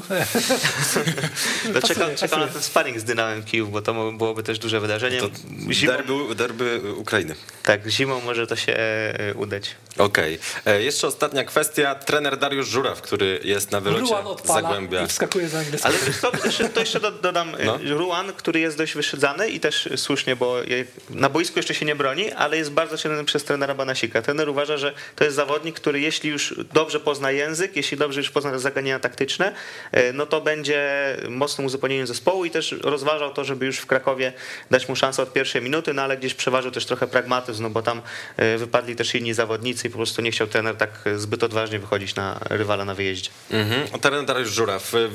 Wielopoziomowa katastrofa Zagłębia e, Lubin. Natomiast czy to jest dobry moment, żeby go pożegnać? W sensie, czy rundę wiosenną powinien zacząć e, nowy trener albo już końcówkę tej jesiennej? I czy poważny trener przyjdzie w ogóle do Zagłębia Lubin, wiedząc, że e, nie gra tyle o sportowy wynik, co o sportowy wynik i o ogrywanie młodzieżowców? Władze Zagłębia Lubin od dwóch dni na jakichś spotkaniach non-stop tam, więc coś się tam w tym klubie może dziać pod tym względem, pod poszukiwania trenerów. Też Samuel Szygielski podawał, że też istnieją no, jakieś tam trzy czy cztery tematy poszukiwania trenerów. Sam y, Dariusz Żurow się odcinał od tego na konferencji prasowej powiedział, że nie podda się, trochę wzorem swoich byłych przełożonych, ale no ewidentnie chyba sam Dariusz Żuraw podszedł do tej pracy z takim zbyt dużym sceptycyzmem. Już na samym początku powiedział, że nie jest zadowolony z okienka transferowego, że nie do końca ma takich zawodników, jakich chciałby mieć w tym klubie i nawet to, że otrzymał od klubu takie specyficzne jednak mocno zadanie, nie oparte na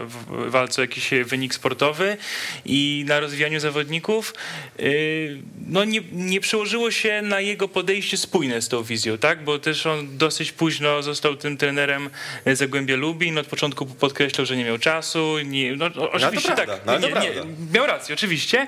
Aczkolwiek y, ja mówię bardziej o takim odbiorze z góry. Jednak wiesz, przychodzi taki trener, ma, nie ma presji na wynik, a zaraża jednak troszeczkę sceptycyzmem e, całą resztę grupy, więc wydaje mi się, że jeśli e, Lubomir Gulden na przykład chce, żeby w tym klubie pracował Stano, albo nie wiem, ktoś inny chce, żeby Marcin Brosz czy inny trener, no to, to Myślę, będą Piotr chcieli. Wojkowski, który teraz pewnie będzie miał dużo do powiedzenia. Jak chce, żeby tam pracował Piotr Stokowiec. I to może się wydarzyć, bo no, A ja nie, powiem- nieprzypadkowo Piotr Stokowiec był kandydatem na selekcjonera reprezentacji Polski. Piotr e, Brulikowski to najbliższy doradca Zbigniewa Bońka w PZPN-ie.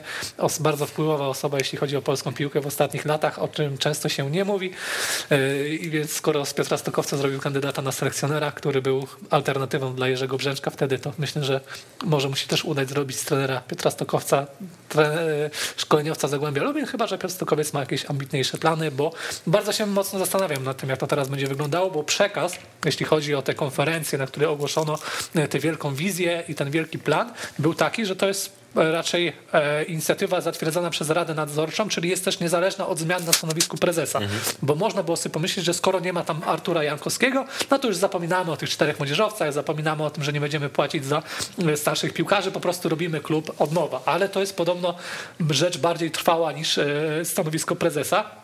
Tak I rzecz, która będzie progresować, bo tych Tak. młodzieżowców ma być więcej z każdym sezonem. tak, nawet nie młodzieżowców, tylko graczy powyżej, No tak, poniżej tak. 24 roku życia. I, I jeśli to jest rzecz taka stała, to wydaje mi się, że niełatwo będzie przekonać takiego trenera, który nie chce sobie zepsuć nazwiska, e, tylko chce osiągnąć fajny wynik sportowy, żeby, e, że, że, żeby objął zespół miedziowych, bo no, no to jak zresztą mówiłem o tym w swoim vlogu, można sobie odpalić teraz, bo nie mam, nie mówię satys- nie, bez satysfakcji, ale to wszystko się sprawdza, że to jest naprawdę tak trochę śmieszne, że nie stawiasz sobie żadnego celu sportowego. Musisz, bo tak naprawdę ja dostałem taką bardziej szczegółową prezentację niż tam była ogłoszona na konferencji.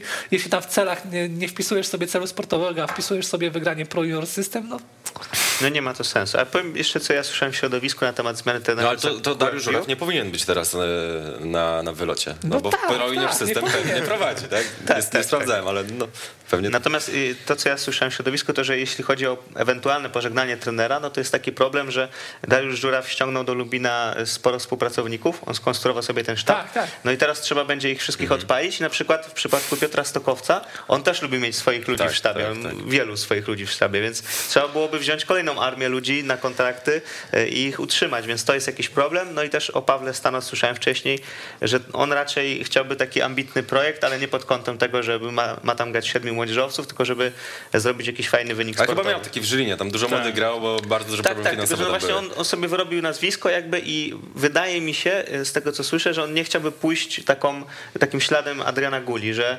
e, ten Adrian Gula, no teraz w Polsce tak troszkę sobie szarga to nazwisko, Mhm. a on chciałby, że skoro już tam odniósł sukces, no to teraz tylko, że grać, wiesz, Pa- grać o Paweł, coś. Paweł w porównaniu z Abrahamem Gulą, no to jest początkującym trenerem. Tak, Tak, no ale mówię, on bo- chciałby grać po prostu o coś, o jakiś cel sportowy, no a skoro Zagłębie sobie celów sportowych nie, sta, nie stawia, no to może być to jakieś trudne do, do I chciałby całkiem nieźle podobno zarabiać, bo to, o to mnie- między innymi rozbiła się sytuacja z Wisłą Płock, że miał wyższe warunki niż, e, niż, e, niż Wisła była w stanie mu zaproponować, e, czy niż chciała mu zaproponować i też chciałby trochę bliżej południa niż centralnej części Polski. No to się akurat gdzieś tam No, Lubina nie jest tak. daleko. Tak, no po radę. prostu wolałbym, je, bo on chyba mieszka blisko granicy polsko-słowackiej Mhm. i chciałbym, je- chciałbym mieć bliżej do domu niż 6 godzin, chciałbym mieć 3 godziny na przykład. Okej. Jak, jak Ben Vandal swojego czasu też na obozy jeździł do Holandii, żeby No on akurat daleko miał. Ja mówię, poważny trener nie przyjdzie Ale- do, do tego no Zagłębia. tak. To będzie jakiś... Jeśli, jeśli, jeśli na przykład teraz Zagłębie mówić, mówię, wiecie co, to w sumie jednak było głupie, co żeśmy sobie wymyślili, teraz chcemy normalnie robić klub i... No bo- to wtedy to, przyjdzie. to było głupie, ja bym to nawet docenił, szczerze mówiąc, Tak, tak, No tak. Bo nie Sztuka- chodzi o to, żeby...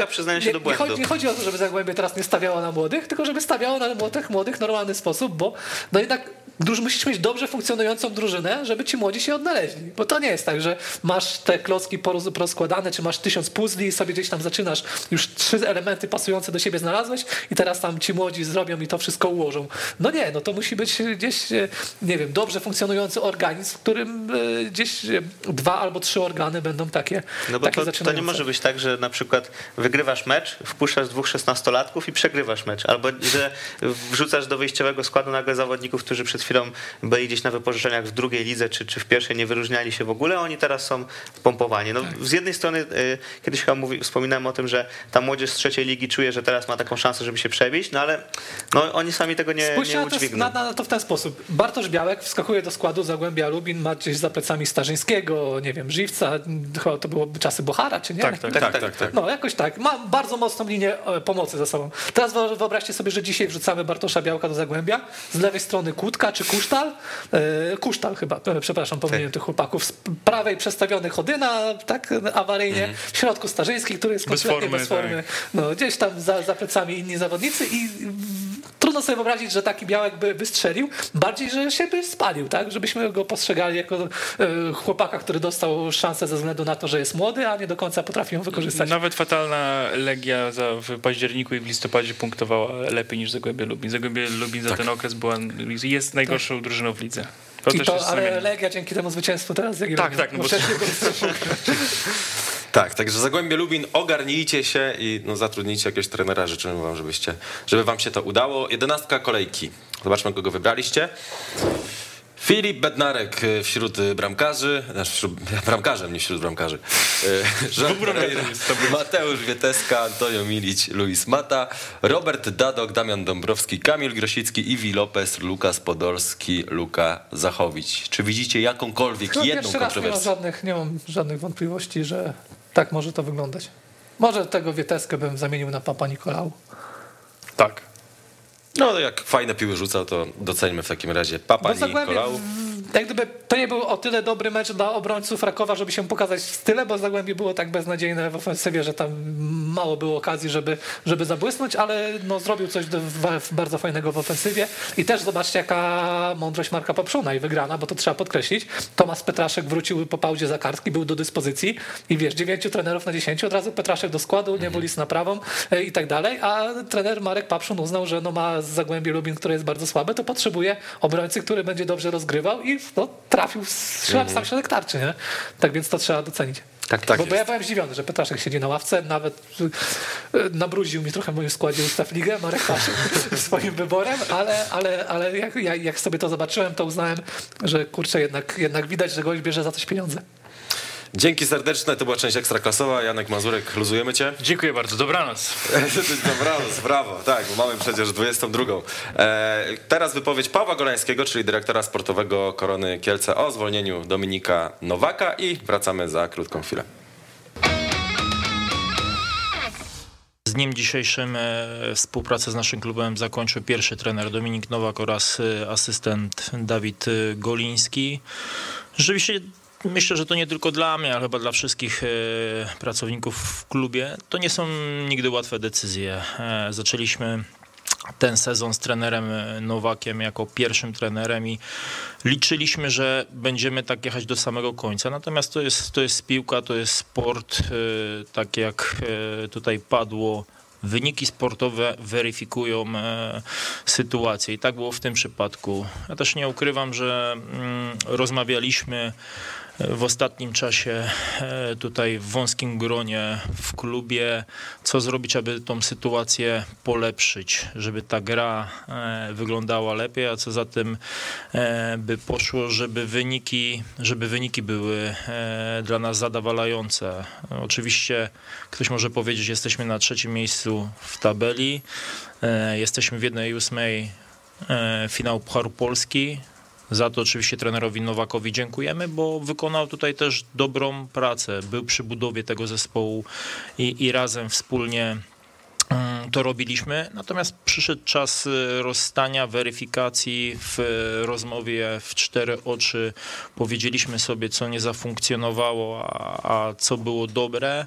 Myślę, że rozstaliśmy się naprawdę w normalnej, przyjaznej atmosferze, bo, bo jesteśmy ludźmi, którzy z sobą potrafili rozmawiać. Natomiast powtórzę, te ostatnie szczególnie mm, spotkania nie były dla nas zadowalające. Ten wynik był, ten wynik był e, słaby. To ostatnie e, spotkanie z Puszczą Niepołomice mm, tak naprawdę no, było nazwane w sposób e, następujący i ja się z tym też zgodzę jako kompromitacja naszego zespołu.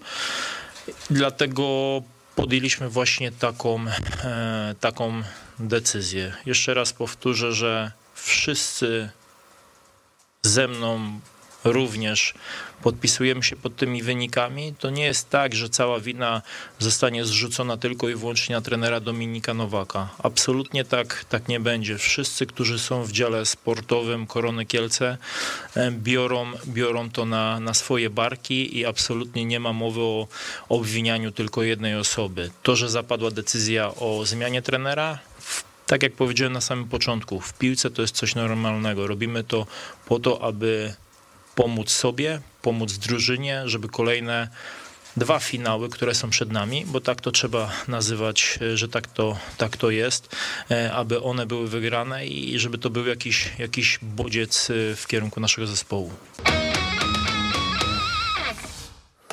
Witamy z powrotem, segment pierwszy ligowy, Samuel Szczygielski, Meczyki.pl. Cześć. Jest Szymon Jańczyk, jest Mateusz Dobry wieczór. Dobry wieczór. Dobry wieczór. E, Dominik Nowak został zwolniony. E, no właśnie.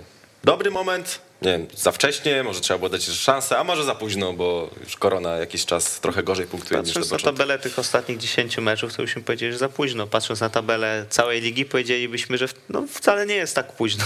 W ogóle bardzo nas oszukuje ta tabela e, po całej tej rundzie pierwszej ligi, bo mam wrażenie, że Korona, jak tak się popatrzy, trzecie miejsce w tabeli, niewiele jej brakuje przecież e, do czołówki, do pierwszej dwójki, a tak patrzymy, że ta gra się w ogóle nie kleiła od początku sezonu, co podkreślaliśmy od początku sezonu, nawet jak były zwycięstwa, no ale ostatnio sobie nawet odpaliłem audycję Weszło FM Tomy Scyzory, i trochę w tym radiu audycji słyszałem i trochę zrobiłem. Nigdy nie słyszałem tylu przekleństw w ciągu pięciu minut, naprawdę. Telefony to był prawdziwy hate park i kibiców rozumiem, no bo trener Nowak po prostu żadnego stylu w sumie nie zaprezentował, a trochę czasu miał. Jakoś taka strasznie dziwna ta przygoda Dominika Nowaka, jeśli chodzi o Koronę Kielce, bo mówimy o tym sezonie, na tym się skupiamy, bo to jest jak gdyby tak nowe rozdanie, ale no jak to się zaczęło, bo tam chyba była seria, mm, Znaczy, ba- przede bardzo wszystkim- sam początek chyba szóstką Brookbetu dostali Przede wszystkim to było tak- jed- jedna wygrana, że e, Kamil Kuzera e, prowadził zespół jako trener tymczasowy i nie przegrał czterech kolejnych meczów, tam Tak, było, tak, tak. i nie stracił nawet żadnej bramki. Szło świetnie, Dominik Nowak czekał w blokach. Słyszałem, że podobno zarząd sobie wymyślił tak, że jak Kamil Kuzera przegra, no to wtedy zmieniamy trenera, no ale Kamil Kuzera nie chciał przegrać i w końcu trzeba było tego Dominika Nowaka wpuścić, no bo jak on tak miesiąc siedział na trybunach, no to No bo wtedy zachorował też Kamil Kuzera. tak, tak, To więc już, nie było, już, wyjścia. już był taki przymus. No i Kamil Kuzera wchodzi, przegrywa trzy, y, trzy pierwsze mecze, y, z czego strzela jedną bramkę, wygrywa później z Zagłębiem Sosnowiec, dostaje 6-2 od Brookbetu i do końca sezonu wygrywa jeszcze tylko z ostatnim w tabeli GKS-em Bełchatów. Więc to jest naprawdę taki, to wejście y, sprawiało, że ludzie mieli uzasadnione y, prawo do na przykład y, chęci postawienia na Kamila Kuzerę, mimo że on tam nie miał papierów. No bo on miał wyniki, a wchodzi Dominik Nowak i tych wyników no bo to kompletnie tak nie jest, ma. że jak tak źle, źle zaczniesz i słabo to zostanie rozegrane, a tutaj zostało to rozegrane nie najlepiej, no to później trudno to odwrócić. To jest taka sztuka, która udała się w przypadku Macieja Skorży w Lechu Poznań, bo tam pamiętamy też ten początek był, wszystko do pewnego momentu układało się tak, jak nie powinno. E, Tutaj nie udało się tego zrobić, ale myślę, że bardzo ważne jest to, o czym powiedział Samuel, że e, tak naprawdę ten brak stylu, bo te wyniki się jeszcze bronią. To jest kurczę trzecie miejsce i naprawdę wszystko się może e, wydarzyć. E, Kilka klubów e, pierwszej ligi, które mają podobne kadry, na pewno chciałoby być w miejscu korony, jeśli chodzi o dorobek punktowy, ale tam nie za bardzo czuć jakąś wizję, ideę i to jest o tyle dziwne, że jak sobie stosujemy ten bardzo prosty podział na trenerów generalnie w piłce, którzy są typowo wynikowcami i trenerów, którym na czymś zależy, na czymś więcej, że raczej liczy się też ten środek, przez który osiągnięty zostanie cel, no to trenera Nowaka za dotychczasową karierę raczej przydzielilibyśmy raczej do, tej- do tej drugiej grupy, do trenerów, którym o coś chodzi. A tutaj było takie bardziej, bardziej pragmatyczny, wydawał mi się Nie było, nie było e, tego Nowak. stylu, który Tak, tak. preferował choćby w Miedzi, Z- czy, Zawsze się wcześniej. to kwestia jest, że nie wiem, czy że w Miedzi miał zawsze dużo Hiszpanów, którzy są w innym systemie, wyszkoleni, bardziej mu pasowali do tej gry, a tutaj w Koronie zobaczył, że ten materiał jest trochę inny, no to też zmienił e, podejście, czy z czego to wynikało? No nie wiem. Zobaczymy, ale jak... też, ale też nie ma takiej złej kadry, nie? Jak, jeśli Nie, chodzi nie, o linię nie, pomocy, znaczy, nie, ale y, inną, inną, inaczej, inną, jeśli chodzi o linię pomocy, to wyglądało to tak, że można było z tego wykrzesać jakiś potencjał No ofensywny. nie wykrzesał nic w środku pola No nie, nie. akurat, bo jego praktycznie nie ma. Natomiast jeśli chodzi o mieć Legnica, to Dominikowi Nowakowi się zarzucało jedną rzecz, że jeśli on już jest za długo w zespole, to się staje takim miałkim trenerem, że już nie przemawia do piłkarzy. Natomiast teraz on tak naprawdę na samym początku drogi w Kielcach już taki był, więc to jest y, zaskakujące i to jest jakiś taki dziwny zwrot w karierze trenera Nowaka, a w ostatnich tygodniach zauważyłem jedną rzecz, że Frączczak, którego tak chwaliliśmy i który e, tak naprawdę miał być zbawcą, jakby tylko wrócił, Wiele z przodu nie dał, jak już wrócił. Konrad Forenc, który Zresztą, miał... Fan... bo, bo, bo ja ci coś przerwę. On mało daje jako typowy napastnik, To ale prawda. ile on daje, jeśli chodzi o rozegranie piłki, no to jest naprawdę imponujące i ta jego liczba asyst Ale inny był przed kontuzją, nie? Teraz nie, te, wyglądał też, miał, też miał dużą liczbę asyst wtedy. Tak, okej. du, du, asyst dużą wtedy. liczbę otwierających podań. spoko. Mimo wszystko, moim zdaniem, grał trochę gorzej już jak wrócił. I druga sprawa, Konrad Forenc w ostatnich trzech meczach też już nie broni tak, jak bronił na początku sezonu. A to były takie dwa fundamenty, fundamenty serca tej drużyny. No, ja myślę, że to wynika też po prostu z całości, że im, im gorzej grasz jako zespół, im gorzej funkcjonujesz, jak tego brakuje e, pewności, pomysłu i, i tak to wszystko się zwala jedno na drugie, no to po prostu tak to e, się musiało skończyć. Rozmawiamy o zwolnieniu trenera Nowaka, między innymi dlatego, że Korona przegrała z Puszczą Niepołomice 5 do 2 i z nami jest trener Puszczy Niepołomice, pan Tomasz Tułacz. Dzień dobry. Dzień dobry, witam panów, witam Ja- państwa. Ja może zapomnę na początku zapytam, przy, może prowadził pan takie notatki, ilu trenerów już pan zwolnił w pierwszej lidze? Bo je- jest pan w tej pierwszej lidze od tylu lat, że podejrzewam, że to nie jest pierwsze nazwisko. Nie, nie patrzę na to bo absolutnie, wręcz po meczu y, życzyłem Dominikowi, żeby miał okazję czy szansę mm, w następnym meczu wygrać i, odpracować to, co się stało w Niepomicach. Bo też rozumiem, że dla niego to był bardzo ciężki mecz, bardzo trudny wynik i I wiem jak to jest, wiem jak się trener czuje, kiedy, kiedy niekoniecznie idzie tak jak chce. A stało się jak się stało. Myślę, że kilku trenerów po meczach z Niepołomicami pożegnało się ze swoimi funkcjami, ale, ale ja nie przykładam do tego żadnej wagi. A był trener trochę zaskoczony tym, że tak wysoko pokonaliście koronę i też, że e, te cztery bramki zostały zdobyte już w pierwszej połowie, tak dość szybko, no bo jednak Puszcza w tym sezonie nie słynęła z takiej zabójczej skuteczności. I tak i nie, powiem szczerze, dlatego że Korona gra w, w taki sposób, który powoduje, że naraża się na szybki atak i możliwość stworzenia sytuacji na po zagraniu yy, za linię obrony, bo grają bardzo wysoko. I, I to staraliśmy się wykorzystać. Yy, Byłem na meczu z Tychami, i no, doszliśmy do wniosku, że, że to będzie wreszcie zespół, który, który będzie chciał u nas dominować i grać e, od tyłu i, i za to zapłacili, bo no, zagraliśmy bardzo konsekwencje, chyba najlepiej w tej rundzie, realizując te, te założenia, które chcieliśmy i, i akurat też mieliśmy taki dzień, którym dużo się dużo wychodziło i, i, no i byliśmy bardzo skuteczni. Tak przechodząc do pana osoby i do puszczy, mm, pamięta pan ile trwał ten pierwszy pana kontrakt, który pan podpisał w Niepołomicach?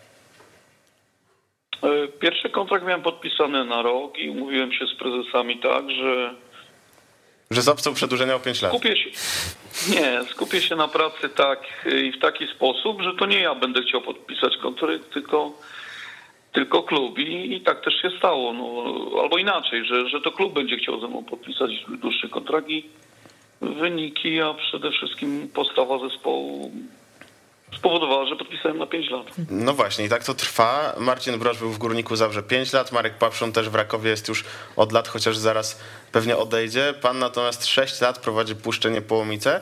Mm, I mam pytanie, po pierwsze, czemu się panu ten klub nie nudzi i czemu pan nie pójdzie wyżej, bo ofert pewnie trochę było oczywiście na poziomie pierwszej ligi, a z drugiej strony, mm, czy Puszcza z panem zrobi y, jeszcze jakiś taki większy rozwój, bo kojarzy nam się to jako klub sympatyczny, ale bez wyników y, i większych aspiracji, chociaż oczywiście taki dobry ligowy średniak na zapleczu. No nie zgodzę się, że, że jest to klub bez wyników. No, dla na, na nasz potencjał, na nasze możliwości, to trzeba powiedzieć, do, że do ostatniego roku to co rok, co sezon mieliśmy lepsze wyniki. Jeżeli ćwierćfinał trzykrotnie osiągany przez zespół, y, ćwierćfinał Puchar Polski oczywiście, i nie jest dobrym wynikiem, no to co jest tym wynikiem? Nie no, pan, Bo- pan wie, że ja cenię Puszczę i jakby to, jak się rozwijacie. Chodzi mi o to, że Puszcza szybko kandydatem do awansu do Ekstraklasy nie będzie, a te poszczególne mecze czy edycje Pucharu Polski oczywiście na plus. Ale chodzi mi o jakby kwestię no, przyszłości. Wiem, rozumiem o co panu chodzi i gdzie jest y, ta odpowiedź na to, jakie są możliwości i jakie są granice funkcjonowania zespołu, a, a na ile trener, który prowadzi tyle lat zespół ma jeszcze wpływ, czy potrafi zabodźcować tak zespołem, żeby jeszcze osiągnął lepsze wyniki. Powiem panu, że nie jest to łatwe. Na pewno każdy trener y, życzyłby sobie, żeby pracować tak długo, czy jak najdłużej z drużyną, ale no jest, są te strony takie, te drugie, druga strona medalu jest taka, że no ma pan rację, no y, trzeba umieć funkcjonować, czy, czy znaleźć sposób na motywację zespołu czy zawodników, żeby nie byli znużeni trenerem, środkami, które stosuje i warunkami, które panują dookoła.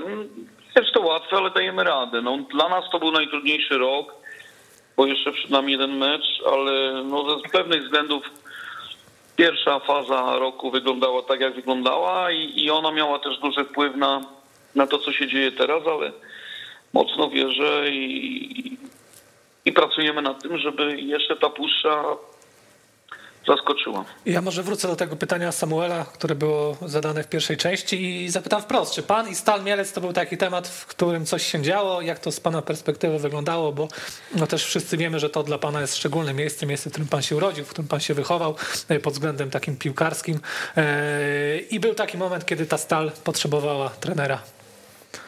To ja odpowiem wprost. Nie było żadnego, żadnej konkretnej propozycji. Było zapytanie w pewnym momencie, ale luźna rozmowa. Ja mam teraz, teraz w klubie mam jakieś dobre kontakty, znaczy dobre, no dobre relacje, czy z prezesem, czy, czy z innymi osobami. Potrafimy rozmawiać o tym, co, co dotyczy Stali Mielec, co dotyczy piłki, piłki pierwszoligowej, ekstraklasowej, ale ale to, jest, to, są bardzo rzadkie spotkania czy rozmowy telefoniczne. Ja się skupiam na pracy w Niepołumicy, Niepołomicach, przepraszam. Yy, yy, Myślę, że odpowiadając na pytanie, czy miałem propozycję, tak, miałem propozycję z ekstraklasy, ale życie się tak ułożyło, że, że zostałem w Niepołomicach i nie była to propozycja ze Stali Mielec. A nie wydaje się panu, znaczy chciałem że skonfrontować e, z panem takie zdanie, że e, tak może nie do końca świadczą o tym wyniki, ale że teraz Puszcza ma mocniejszy skład na papierze niż w poprzednich sezonach, tylko jest problem z przełożeniem tego na boisku, czy jednak nie podpisałbym się pod tym takim, że pod takim stwierdzeniem, że jak popatrzymy na same nazwiska, to jest to jednak lepszy skład niż wcześniej. Nie, myślę, że jest to bardzo podobny potencjał, tylko oczywiście no, Rafał Boguski czy, czy Alex Zitiajew to są zawodnicy, którzy mają jakąś historię, a Boguś to bardzo dużą w ekstraklasie polskiej, ale jeżeli bym położył na szali wartość zespołu na ten moment, to nie uważam. Ja myśl, mam, mam nadzieję, że i myślę tak, że, że ci zawodnicy jak będą dłużej z sobą grali, to, to może być coś z tego większego niż było, ale na ten moment na pewno potrzebują y, zgrania w formacjach i, i takiego y, nauczenia się specyficznego funkcjonowania w małym klubie. Czyli to jest bardziej medialny skład niż lepszy, tak? Myślę, że to są zawodnicy o swojej marce, o swojej klasie, ale potrzebujemy czasu, żeby lepiej wyglądać. To ja może jeszcze na koniec zapytam, e, jaki jest cel właściwie Puszczy na ten sezon? E, Czy faktycznie jest tak, że musicie po prostu się utrzymać i zdobyć premię w Pro Junior System, czy jakoś inaczej pan na to patrzy? Cel jest podstawowy dla naszego klubu utrzymanie w pierwszej lidze. To jest podstawowy cel i zawsze taki, taki był, ale nigdy tak nie patrzyliśmy pracując tu razem ze sztabem czy z zawodnikami. My chcieliśmy osiągnąć jak najlepsze wyniki, być jak naj... Może to brzmi ba- banalnie, ale, ale tak jest. Być jak najwyżej w tabeli, a jak ułoży się sytuacja, to spróbować powalczyć o coś więcej. Tak jak było dwa, dwa sezony temu, kiedy byliśmy bardzo bliscy wywalczenia miejsca barażowego. ale mamy swój pomysł na ten klub, pomysł na ten zespół i, i robimy wszystko, żeby zrealizować podstawowy cel, ale kiedy otworzy się coś, jakaś możliwość zafunkcjonowania jeszcze lepiej, no to no, nie zawahamy się tego zrobić. A ten Pro Junior system y, priorytet, czy nie bardzo? Nie, to, to nie jest żaden priorytet na ten sezon. Oczywiście wiem, do czego panowie piją i my też ponosi, ponosimy jakieś konsekwencje tego funkcjonowania na wiosnę, ale tak było, tak, tak musiał zespół, funkcjonować i, i to przyniosło nie tylko e, ko, korzyści finansowe, ale spójrzcie panowie, ilu zawodników gra dzisiaj w Ekstraklasie z tych młodych chłopaków, którzy przez pół roku grali od dechy do dechy Niepomice na poziomie pierwszej ligi. To jest e, Knap, Karol, to jest Rakoczy, Michał, chociażby, a wielu, a wielu było obserwowanych przeekstraklasowych. E, Także Wyjadłowski poszedł do Stali Mielec, może mu się nie, nie za dobrze dzieje, czy tam, ale, ale to też został zauważony. Maksiu Sitek, który wcześniej u nas funkcjonował, także ta młodzież, która dostawała szansę, to nie było przypadek i to nie było też tak, że, że, że wychodzili tylko po to, żeby zaliczyć minuty młodzieżowe, ale czas pokazał, że, że się rozwinęli dzięki temu, są dzisiaj w Ekstraklasie. No Niemczycki to nazwisko nie padło jeszcze, tak? A też. E, Tak, no, no, no dokładnie.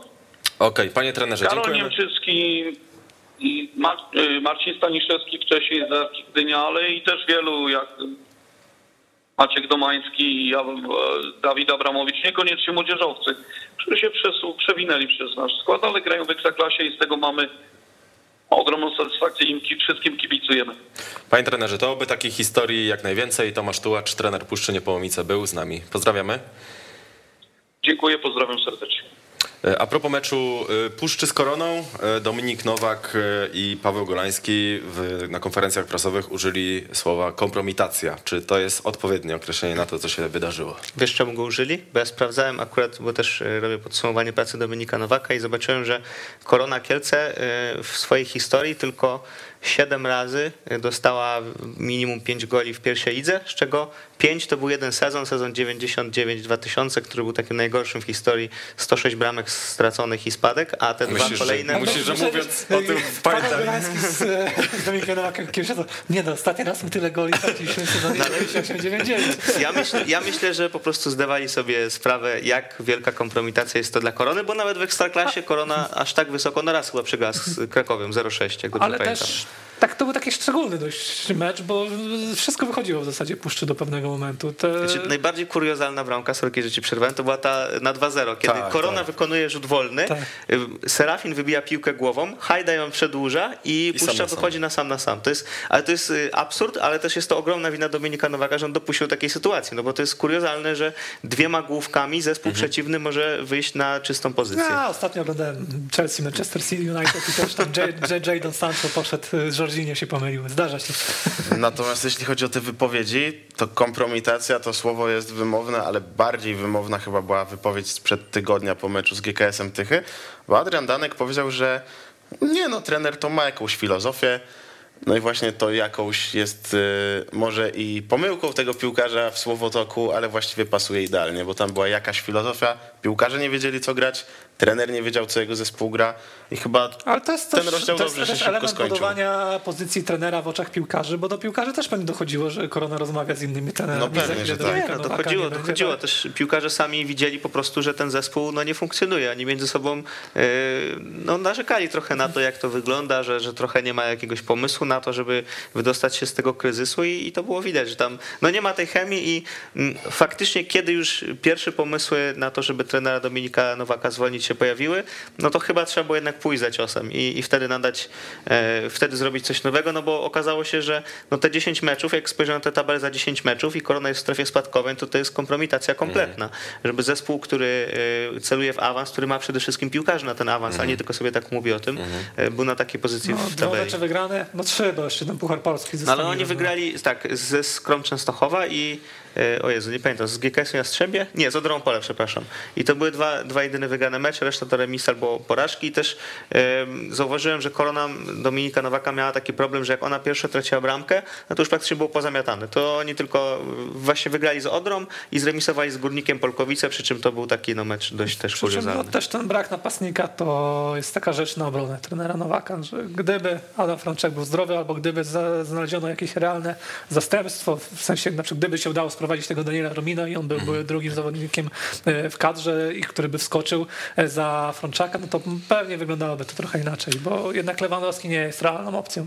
A- I w Ekstraklasie no, No nie, nie, tam też I teraz w próbował- pierwszej lidze też mieliśmy. Wymowne było to, że próbowano nawet chyba Łukowskiego na tej Tak, dziewiątce, tak. więc no. A my znamy nazwisko trenera, który jest szykowany do objęcia No właśnie, korony, chciałem się was zapytać, czy możliwe będzie, że Leszek Ojrzyński trafi do Kielc, no bo to najbardziej oczywista kandydatura, zwłaszcza, że no jest szalenie ceniony przez Pawła Golańskiego. Jest trenerem, który no jest docelowo ekstraklasowym trenerem, natomiast ostatnie przygody, zwłaszcza Stal Mielec, y, no nie poprawiły jego pozycji na rynku, do tego mieszka w Kielcach, no to już w ogóle. No, Na ten moment to jest tak, Leszek Ojrzyński pewnie mógłby objąć jakiś zespół z dołu ekstraklasy, albo postarać się wejść do ekstraklasy z Koroną Kielce. Trzeba wyważyć, co jest cenniejsze, no ale też słyszałem o tych problemach, że tam finanse odgrywają dużą Wiesz rolę, bo, Cennie- bo jeśli chodzi o samo wejście do klubu, to jest okej, tam nie ma problemu. Wiadomo, że Leszek Ojrzyński chce e, być z Koroną, Korona chce być z Ojrzyńskim, no ale trzeba jeszcze... No, z drugiej strony, nawet teraz trwa spotkanie prezesa na Komisji Finansów, czy, czy, czy nie chcę pomylić nazwy, i tam dyskutują z władzami miejskimi o pożyczce 6 milionów dla korony złotych, e, dla, złotych dla korony, więc gdyby była ta pożyczka, no to Czyli pieniądze by się znalazły. Ekstraklasa albo śmierć. No trochę Ale to tak, już, to już było wcześniej tak. powiedziane, nie? Bo to też jest jeden z powodów, dlaczego Dominik Nowak stracił stanowisko, bo Korona widząc jak osuwa się jakby grunt, jak zmniejsza się ta różnica między, między siódmym miejscem czy ósmym a nimi, Mhm. stwierdziła, że ten plan awansu, który był zakładany jako musik, no bo Mhm. jeśli nie, no to może być e, krucho z kasą, się oddala, więc no To cholernie niebezpieczna zabawa, bo z jednej strony możesz jak Radomiak wygrać na tym i dzisiaj być na ustach całej piłkarskiej Polski, z drugiej strony może być jak ŁKS i mocno przegrać.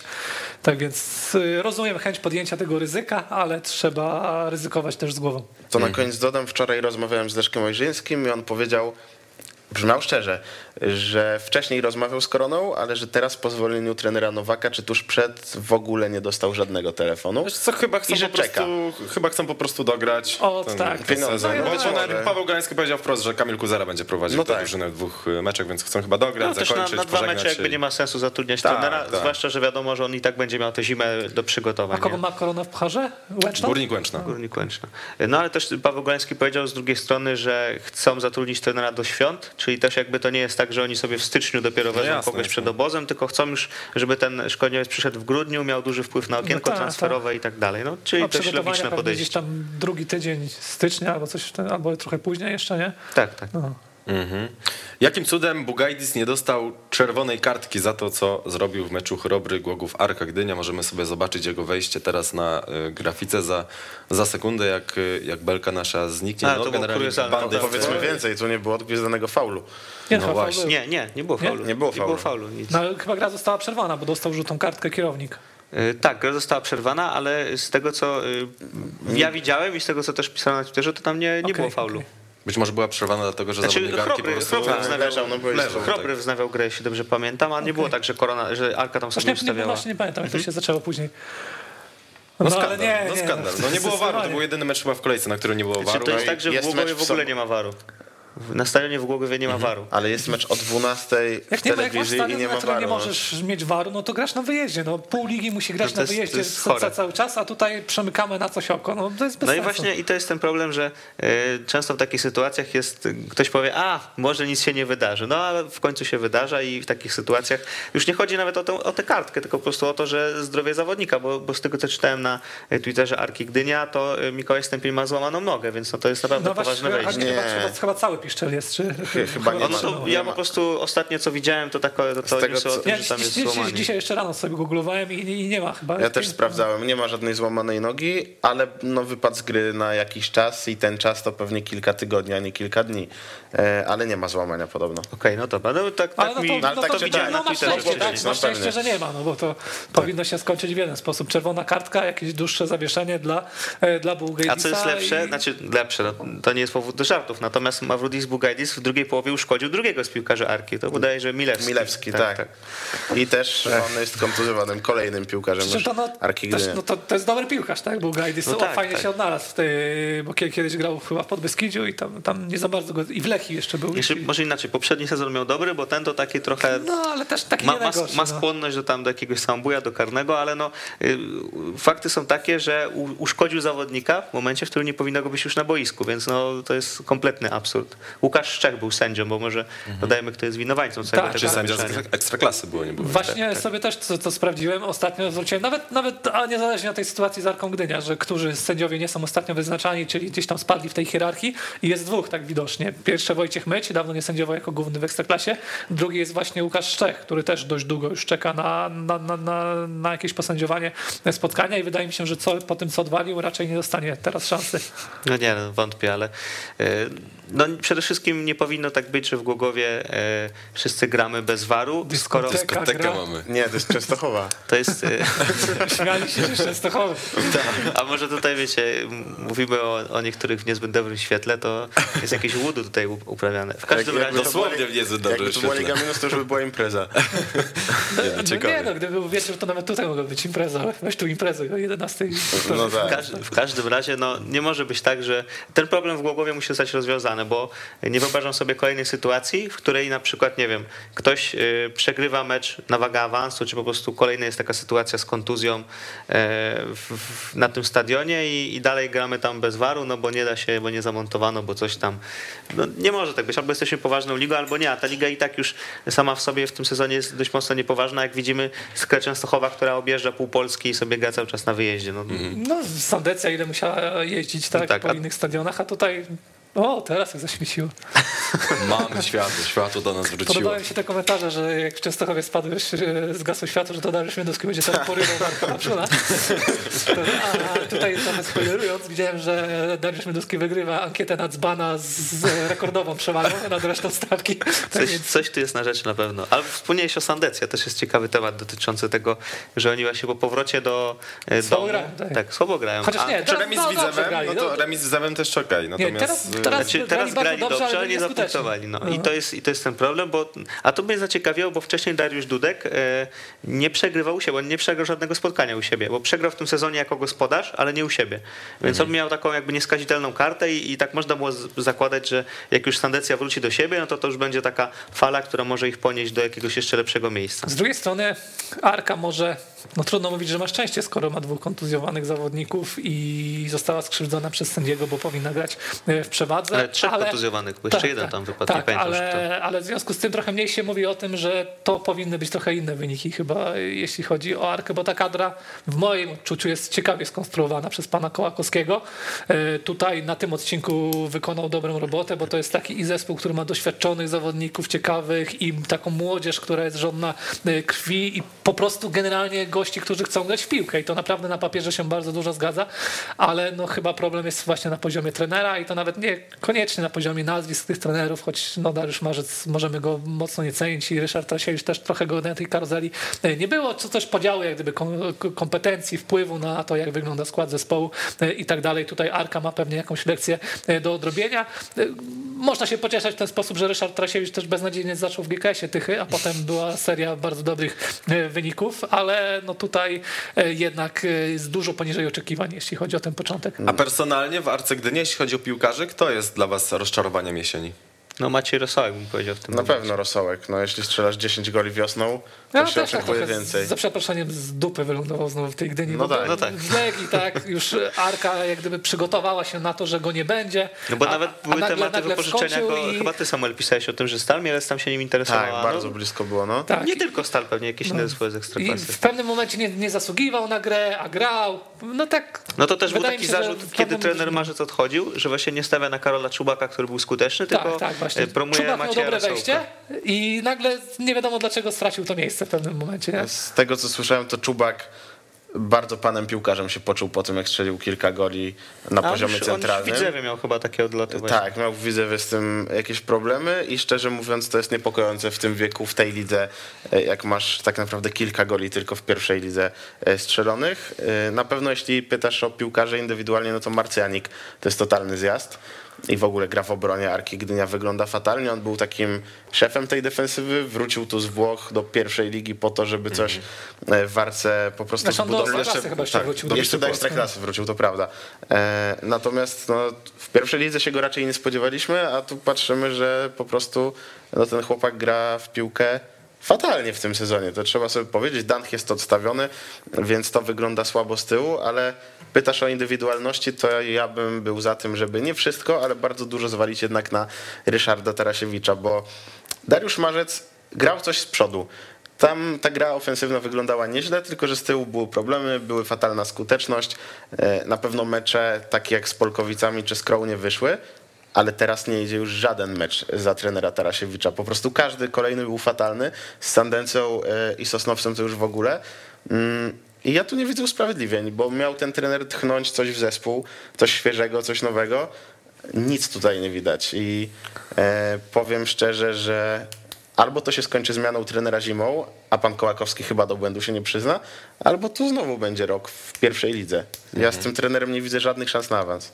A nie, nie jest twój osąd trochę pochopny? Zważywszy na to, że 7 meczów Myślę, że nie, miał bo, bo po pierwsze trochę Arki pooglądałem, a po drugie jak tak y, popytałem w Gdyni co i jak, y, to słyszę, że jest fatalnie, że ten trener bardzo słabo wszedł w zespół i tak szczerze mówiąc on już y, w, no w Tychach mieliśmy różne o nim opinie, natomiast trochę lat minęło i wydaje mi się, że ten trener już się bardziej cofa w karierze moim niż zdaniem, jeśli- rozwija.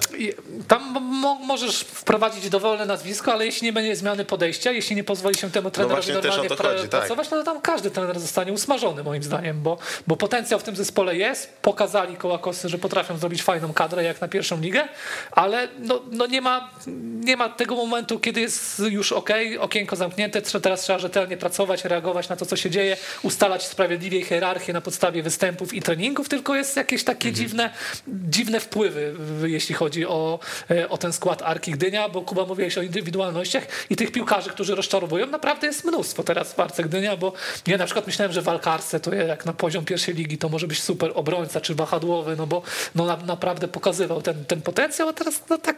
No, Tak, taka średniawka. I wiecie tak, co?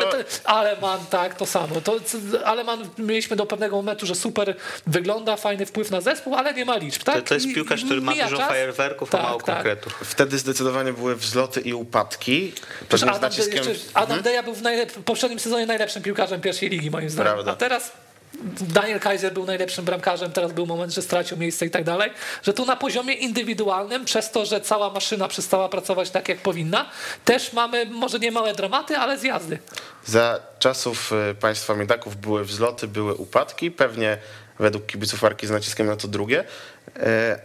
I tam też nie było dyrektora sportowego z prawdziwego zdarzenia, chociaż potem się pojawił, ale było trochę podpowiadaczy, trochę doradców i to było generalnie krytykowane w Gdyni, że tutaj Piotr Wodarczyk się kręci i podpowiada, tu Antoni Łukasiewicz, tu ktoś jeszcze inny. Generalnie tych No, osób... Antoni Łukasiewicz był dyrektorem sportowym, No, chyba jego właśnie- było podpowiadać. No by- był, właściwie był, ale wiesz jak to wyglądało. No Natomiast wiem, wiem. Pan Kołakowski mówił mi, że tak naprawdę to niewiele od niego zależało. No i właśnie kwestia jest taka, że teraz zależy jeszcze mniej. Bo wtedy byli chocia- chociaż doradcy i jakieś tam spotkania, jakieś rozmowy yy, prowadziły do tego, że jakiś piłkarz był ściągnięty. A teraz nie ma czegoś takiego, tylko Jarosław Kołakowski mówi bierzemy tego i bierzemy. Jakby nie ma rozmów. Antoni Łukasiewicz, z tego co słyszałem, jeśli według yy, pana Kołakowskiego nie miał ważnej roli za Midaków, no to teraz słyszałem, że on bardziej sprawy administracyjne. zapomniałem, że on jest No jeszcze. właśnie o to chodzi. No, naprawdę. Zapominamy całkowicie. No ale z drugiej strony, jak była Zawisza, Osucha, no to też to wszystko zależało tam od Osucha. Brał sobie piłkarzy, mimo że tak. formalnie bodaj nie pełnił żadnej funkcji w klubie, no ale A on... wiemy jak Zawisza skończyła. No to prawda, ale też, Skończył, to jest... skończył, przepraszam. Ale to jest, to jest, to jest sprawa z skończył. trochę szerszym kontekstem chyba, żeby ją Znaczy tak to też ja myślę, że zamknąłbym temat Arki w taki sposób, że to jest duża sztuka, żeby mieć Huberta Adamczyka w takiej formie jak, jak obecnie, chyba najskuteczniejszego piłkarza ligi, jeśli byśmy zebrali tę klasyfikację kanadyjską i być w tabeli ze Skrom Częstochowa. To jest naprawdę duża sztuka. A co by że, było, gdyby Adamczyka nie było? mimo, że czasami mówimy o tym, że tabela tam trochę przekomuje, no bo wiadomo, to jest zawsze takie nie, nie dające pełnego obrazu spojrzenie, ale no jest to duża sztuka. No to prawda. Słówko jeszcze o meczu Widzewa z Zagłębiem Sosnowiec, meczu naprawdę y, ciekawego i no, Widzew musiał się trochę namęczyć, żeby e, wy, wygrać z Zagłębiem Sosnowiec, bodaj w 79 minucie padł padła bramka na 3 do 2, gdzie Patryk Stępiński zrobił, no, nie wiem, akcję życia pewnie. No, ja nie No, przypominam jest sobie. skuteczny. a Pamiętam go z Ekstraklasy, on ma tam ze 100 spotkań Mhm. e, grubo pewnie ponad, a nie wiem, czy tam z dwa gole ma. Może. No te wahadła w I jak- Widzewie, A sobie to sprawdzę. Stępi, Stępiński, Zieliński fajnie funkcjonują. Tak, to, i- Tak, i ale to jeszcze- takie mecze po- pokazują, że w Zagłębiu Sosnowiec jest jakiś potencjał, tylko on z jakichś powodów permanentnie jest Znaczy blokowany. ogółem tak myślę nad, właśnie nad wolnym wnioskiem, że żeby delikatnie pochwalić to Zagłębie, chociaż jak zawsze jak ich chwalimy zaraz zostaną w łeb, to nie ma sensu, ale y, no trochę jednak w tych ostatnich meczach się podnieśli. Tak trochę widać, że ten zespół się jakby odblokował, że coś tam ruszyło, może jakoś nie mega mocno, ale no sam fakt, że po tym meczu kibice Zagłębia bili 78-0. U. chodzi o Bili, bili brawa ki- y, zawodnikom, to nie jest często spotykane w Sosnowcu, Mhm. ale też to, że ostatnio wygrali mecz u siebie, to też nie jest często spotykane Mhm. w Sosnowcu, więc trochę tego optymizmu się wlało. Dla kibica Zagłębia może jest to nawet wystarczająca dawka optymizmu, żeby chodzić, że tak powiem, upojony szczęściem, bo po tej degrengoladzie, która w ostatnim czasie się tam odbywała, no to faktycznie takie dwa, trzy dobre mecze to już jest coś. Ja słyszałem, że w Sosnowcu jest raczej tak, e, jeśli chodzi o strukturę klubu, że tam szybko e, ten klub do przodu nie pójdzie, bo tam jest raczej sprawdzanie, czy ktoś kartę odbił o godzinie 8 i 16. E, Też o tym słyszałem. I to jest dziwaczne. No, po prostu słyszy się takie Jak historie. ósmej o 16? No, Jak konkretnie- czytam, czytam wywiad z każdym trenerem, to mówisz, że pierwszy przychodzi, ostatni wychodzi. No, to Śmieszne, wiadomo, że śmieszne tak. jest to, że y, tam wyznaczono godziny pracy na przykład dla działu jakiegoś marketingu, że na przykład no, jak masz mecz o 17, a marketing ci kończy pracę o 16, no jaki to jest sens kompletnie? No nie ma No, żadnego. to w dniu meczowym nie sądzę, żeby to funkcjonowało. No, Nie, no tam jest sztywno 8-16. No ale to co, no I to ludzie, piątek- ludzie idą No godzinę nie przed wiem, do po domu? prostu każdy ma to chyba, każdy ma tak, każdy ma to chyba gdzieś, no bo ja no, kto powiem- normalny funkcjonuje w klubie piłkarskim na zasadzie 8-16. Ja no. wam powiem więcej, że dział y, marketingu to raz, ale tam dział pionu sportowego tak funkcjonuje. A to już jest I inna to jest rzecz. już, no. no ale to jest już chore. Musisz być Znaczy, wiesz, po, jak po robisz południu zmiany- bardziej dostępny robisz- wszystko robisz zmiany- piłkarskim. O 16 ktoś. Robisz- Panie prezesie. Robisz zmiany, robisz zmiany w klubie, które polegają na tym, że e, wyrzucasz e, dyrektora sportowego, czy nie wiem, doradcę, mniejsza z tym, jak to się nazywało, Roberta Tomczyka i zastępujesz go jego współpracownikiem Piotrem Polczakiem. No to jaki to jest sens? No, nie ma żadnego. To wiadomo, że wszystko to było tak zrobione, żeby ludzie myśleli, że jest zmiana, a wszystko zostało po staremu. No i No tak wygląda. Arkadiusz Aleksander, który dał trochę powiewu świeżości w Sandecji Nowy Sącz jakiś czas temu. Może on coś zmieni, ale to też nie jest No taka tylko, że funkcja ja się, decyzyjna. obawiam, ja się obawiam, że właśnie takie postaci z zewnątrz to będzie trochę na zasadzie Roberta Podolińskiego i teraz, że Arkadiusz Aleksander może pójść tą samą drogą, że To prawda? on po Ale chyba będzie... Podoliński z założenia miał być takim Tak, tak, doradcą, doradcą, czyli To- raz to- jakiś tak czas boję się się po prostu, że, że się nie przebije y, Arkadiusz Aleksander ze swoimi wizjami y, przez ten beton, który tam już Jest- mocno się zakorzenił. Jest duża różnica w roli y, tych dwóch osób, bo Robert Podoliński to mam z góry ustalone, że jest tam jeden dzień w tygodniu Mhm. plus na mecze w weekend, e, nie w godzinach 8-16 ewidentnie. I on z góry powiedział, że on ma takie obowiązki, że może tylko w takim wymiarze czasowym być to było przyjęte. Natomiast Arkadiusz Aleksander pracuje 8-16. To jest pewna różnica. Przeprowadził się tam. Ojej. No tak, tylko że ta różnica też polega na tym, że Robert Podoliński mniejsza z tym, kiedy tam bywał, ale na przykład no, on chciał faktycznie coś doradzić, z tego To co prawda. słyszałem, ale no nie za bardzo Nie- się go miał- słuchano. I to było takie, że no, on tam oceni, że nie warto tego piłkarza, to no, i tak go śmiemy. Okej. Rozumiem. No, No, ale cóż. ale za, ten, za to spotkanie warto docenić Zagłębie, no bo też fajnie po prostu zagrali. Mhm. Chociaż trochę też pewnie mieli szczęścia, że, że ten śnieg e, no, no nie ułatwiał zadania, a z drugiej strony też im e, utrudniał trochę A pracę. wy też Dobra. lubicie oglądać mecze w śniegu? Nie, Nie? Fajnie się to ogląda. nie. Ja lubię. Nie, Samuel. Nie, Nie. w polskiej piłce, w Ekstraklasie, w pierwszej lidze już nawet jak są dobre warunki, no to ta piłka przeszkadza, a teraz jak są złe, to oglądałem mecz na przykład Brookbetu, znaczy Piasta z Brookbetem i tam naprawdę przypadek rządził. Maurice Mhm. Mesanowicz, tak. Piłkarze mieli duże problemy, żeby się utrzymywać często na nogach. Tak, yy, przemyślcie swoje wolne wnioski, a w międzyczasie zobaczymy wyniki ankiet. Możemy je sobie teraz po kolei wypuścić. Bąbelkiem kolejki został Filip Majchrowicz, drugi Krzysztof Kubica, trzeci Mateusz Praszelik, czwarty Ben Lederman. Powiem ci tak, e, Mikołaj Kęczko, Kęczkowski, bo mówisz o wolnych wnioskach. W sensie chciałeś już, żebyśmy je prezentowali, czy chciałeś? Nie, żebyś przemyślał, a teraz prezentujemy y, kolejne ankiety. Borysiuk kolejki, no tutaj nie mogło być inaczej. Lukas Podolski z miażdżącą przewagą nad Kowalczykiem, z Szwarcem i Wallo. Y, Jedźmy dalej. Dzban. Ojej. Mówiłem, mówiłem. Jezus A Maria. ja, jak zerkałem, to było 9-1. 88,3% na Dariusza Mioduskiego. To chyba rekord w historii naszych ankiet. Ja sobie nie przypominam, żeby ktoś Ale czemu, bardziej czemu, okazany. czemu żeśmy obrazili Żurkowskiego? Żukowski, nie Żurkowski. Żukowski. Żurkowski sobie Ojej. nieźle radził w Serie A. spokojnie. Mam nadzieję, że nie, to nie tak, że ja tak wpisałem na kanał sportowy, bo to byłoby Bo a to, nieładnie. to ten, zamazało wyniki, bo ludzie myśleli, że, że, że nie ten. Nie, ja napisałem Żukowski. E, Jastrząb kolejki, Kamil Grosicki, no tu też bez y, dyskusji. Drugi Bednarek, trzeci Iwi Lopez, czwarty y, Majchrowicz. No i poproszę was o wolne To wnioski. wiesz co, ja najpierw dodam, bo w sprawie tej korony Mikołaj Kęczkowski z y, audycji Tomy Scyzory poprawia, że temat na komisji dotyczy dokapitalizacji 3,5 miliona złotych, a nie pożyczki 6. A, okej, Takie ma to informacje. to mam nieaktualne. Tak czy siak, dużo hajsu. Dużo hajsu. A jeśli mogę kontynuować z wolnym wnioskiem od razu, No i nie trzeba oddawać się do No, kapitalizacji. To, chyba jest nawet lepiej. to dużo lepiej. Zaciekawił mnie wpis Leszka Bartnickiego po meczu GKS-u Tychy. Y, Może zacytuję. Dzisiejszy wynik boli mnie nie mniej niż was. Jestem wkurzony, w mniej cenzuralnym y, słowie. Nie no, Cięż- bardziej, bo tam są kropki. E, I ciężko mi się z tym pogodzić. Dziś zagrało czterech zawodników rodzonych w Tychach, w tym dwóch debiutantów, oba rocznik 2003. To kierunek, z którego nie zmienię. Za pięć dni mega ważny mecz, który zdefiniuje naszą przyszłość. No i to ostatnie zdanie e, jest takim trochę punktem wyjściem do dyskusji może o pozycji trenera Artura Derbina, no bo e, skoro jakby prezes przyznaje, że kierunek gry młodzieżowców, wprowadzania tej młodzieży tyskiej jest, e, jest słuszny, no to w takim razie o co chodzi z tym, co będzie dalej, no bo jak rozumiem też tam w tej dyskusji się przewijało to, że GKS Tychy jest zespołem e, góry, z górnej części tabeli, że zespołem, który mm, no jakby nie patrzeć robi najlepsze wyniki w swojej historii, przynajmniej tej najnowszej. E, No i ja nie wiem, czy byłby, czy byłby sens zmieniać trenera w takim momencie, czy nie lepiej dać mu przepracować sezon, no ale tak trochę odebrałem ten wpis, jakby to było takie lekkie wyjście do, do takiej próby. E, Dostałem taką wiadomość parę dni temu. W GKS-ie Tychy będzie nowy trener na okres przygotowawczy już. O, widzisz, Kuba. No to ładnie się strzeliłem, A nie? to jest z jakiegoś nieznanego numeru? My tego nie, dogadywa- my tego nie dogadywaliśmy. Nie, jak nie coś. mogę powiedzieć, tylko, bo źródła trzeba chronić. Ale wiecie co? Ostatnio miałem sytuację, że y, Michał Probierz odszedł z Krakowi i dostałem wiadomość, tak dosłownie minutę po na Twitterze jakieś, y, myślałem, że fejkowe konto, nowym trenerem będzie Jacek Zieliński, możesz to podać, ale tak patrzę, kurczę, no nie wierzyłem, wypustka, nie? No i patrzę, Jacek Zieliński faktycznie nowym trenerem, y, więc czasem takie wiadomości są bardzo trafne. Może tak Nie być. myślę, że Kuba miał zapisany ten numer. Tak, to nie jest, nie jest rozumiem. A propos wolnych wniosków i nowych trenerów, y, Grzegorz Kurdziel to jest y, postać, o której chcę powiedzieć, bo on był asystentem Michała Probierza przez lata, jeszcze w Warisie, Saloniki i tak dalej, i tak dalej. Mm, No i ten trener postanowił odejść ze sztabu e, trenera Probierza. Objął on właśnie GKS Jastrzębie, który jest na dnie tabeli pierwszej ligi. No to chyba latem odszedł, nie?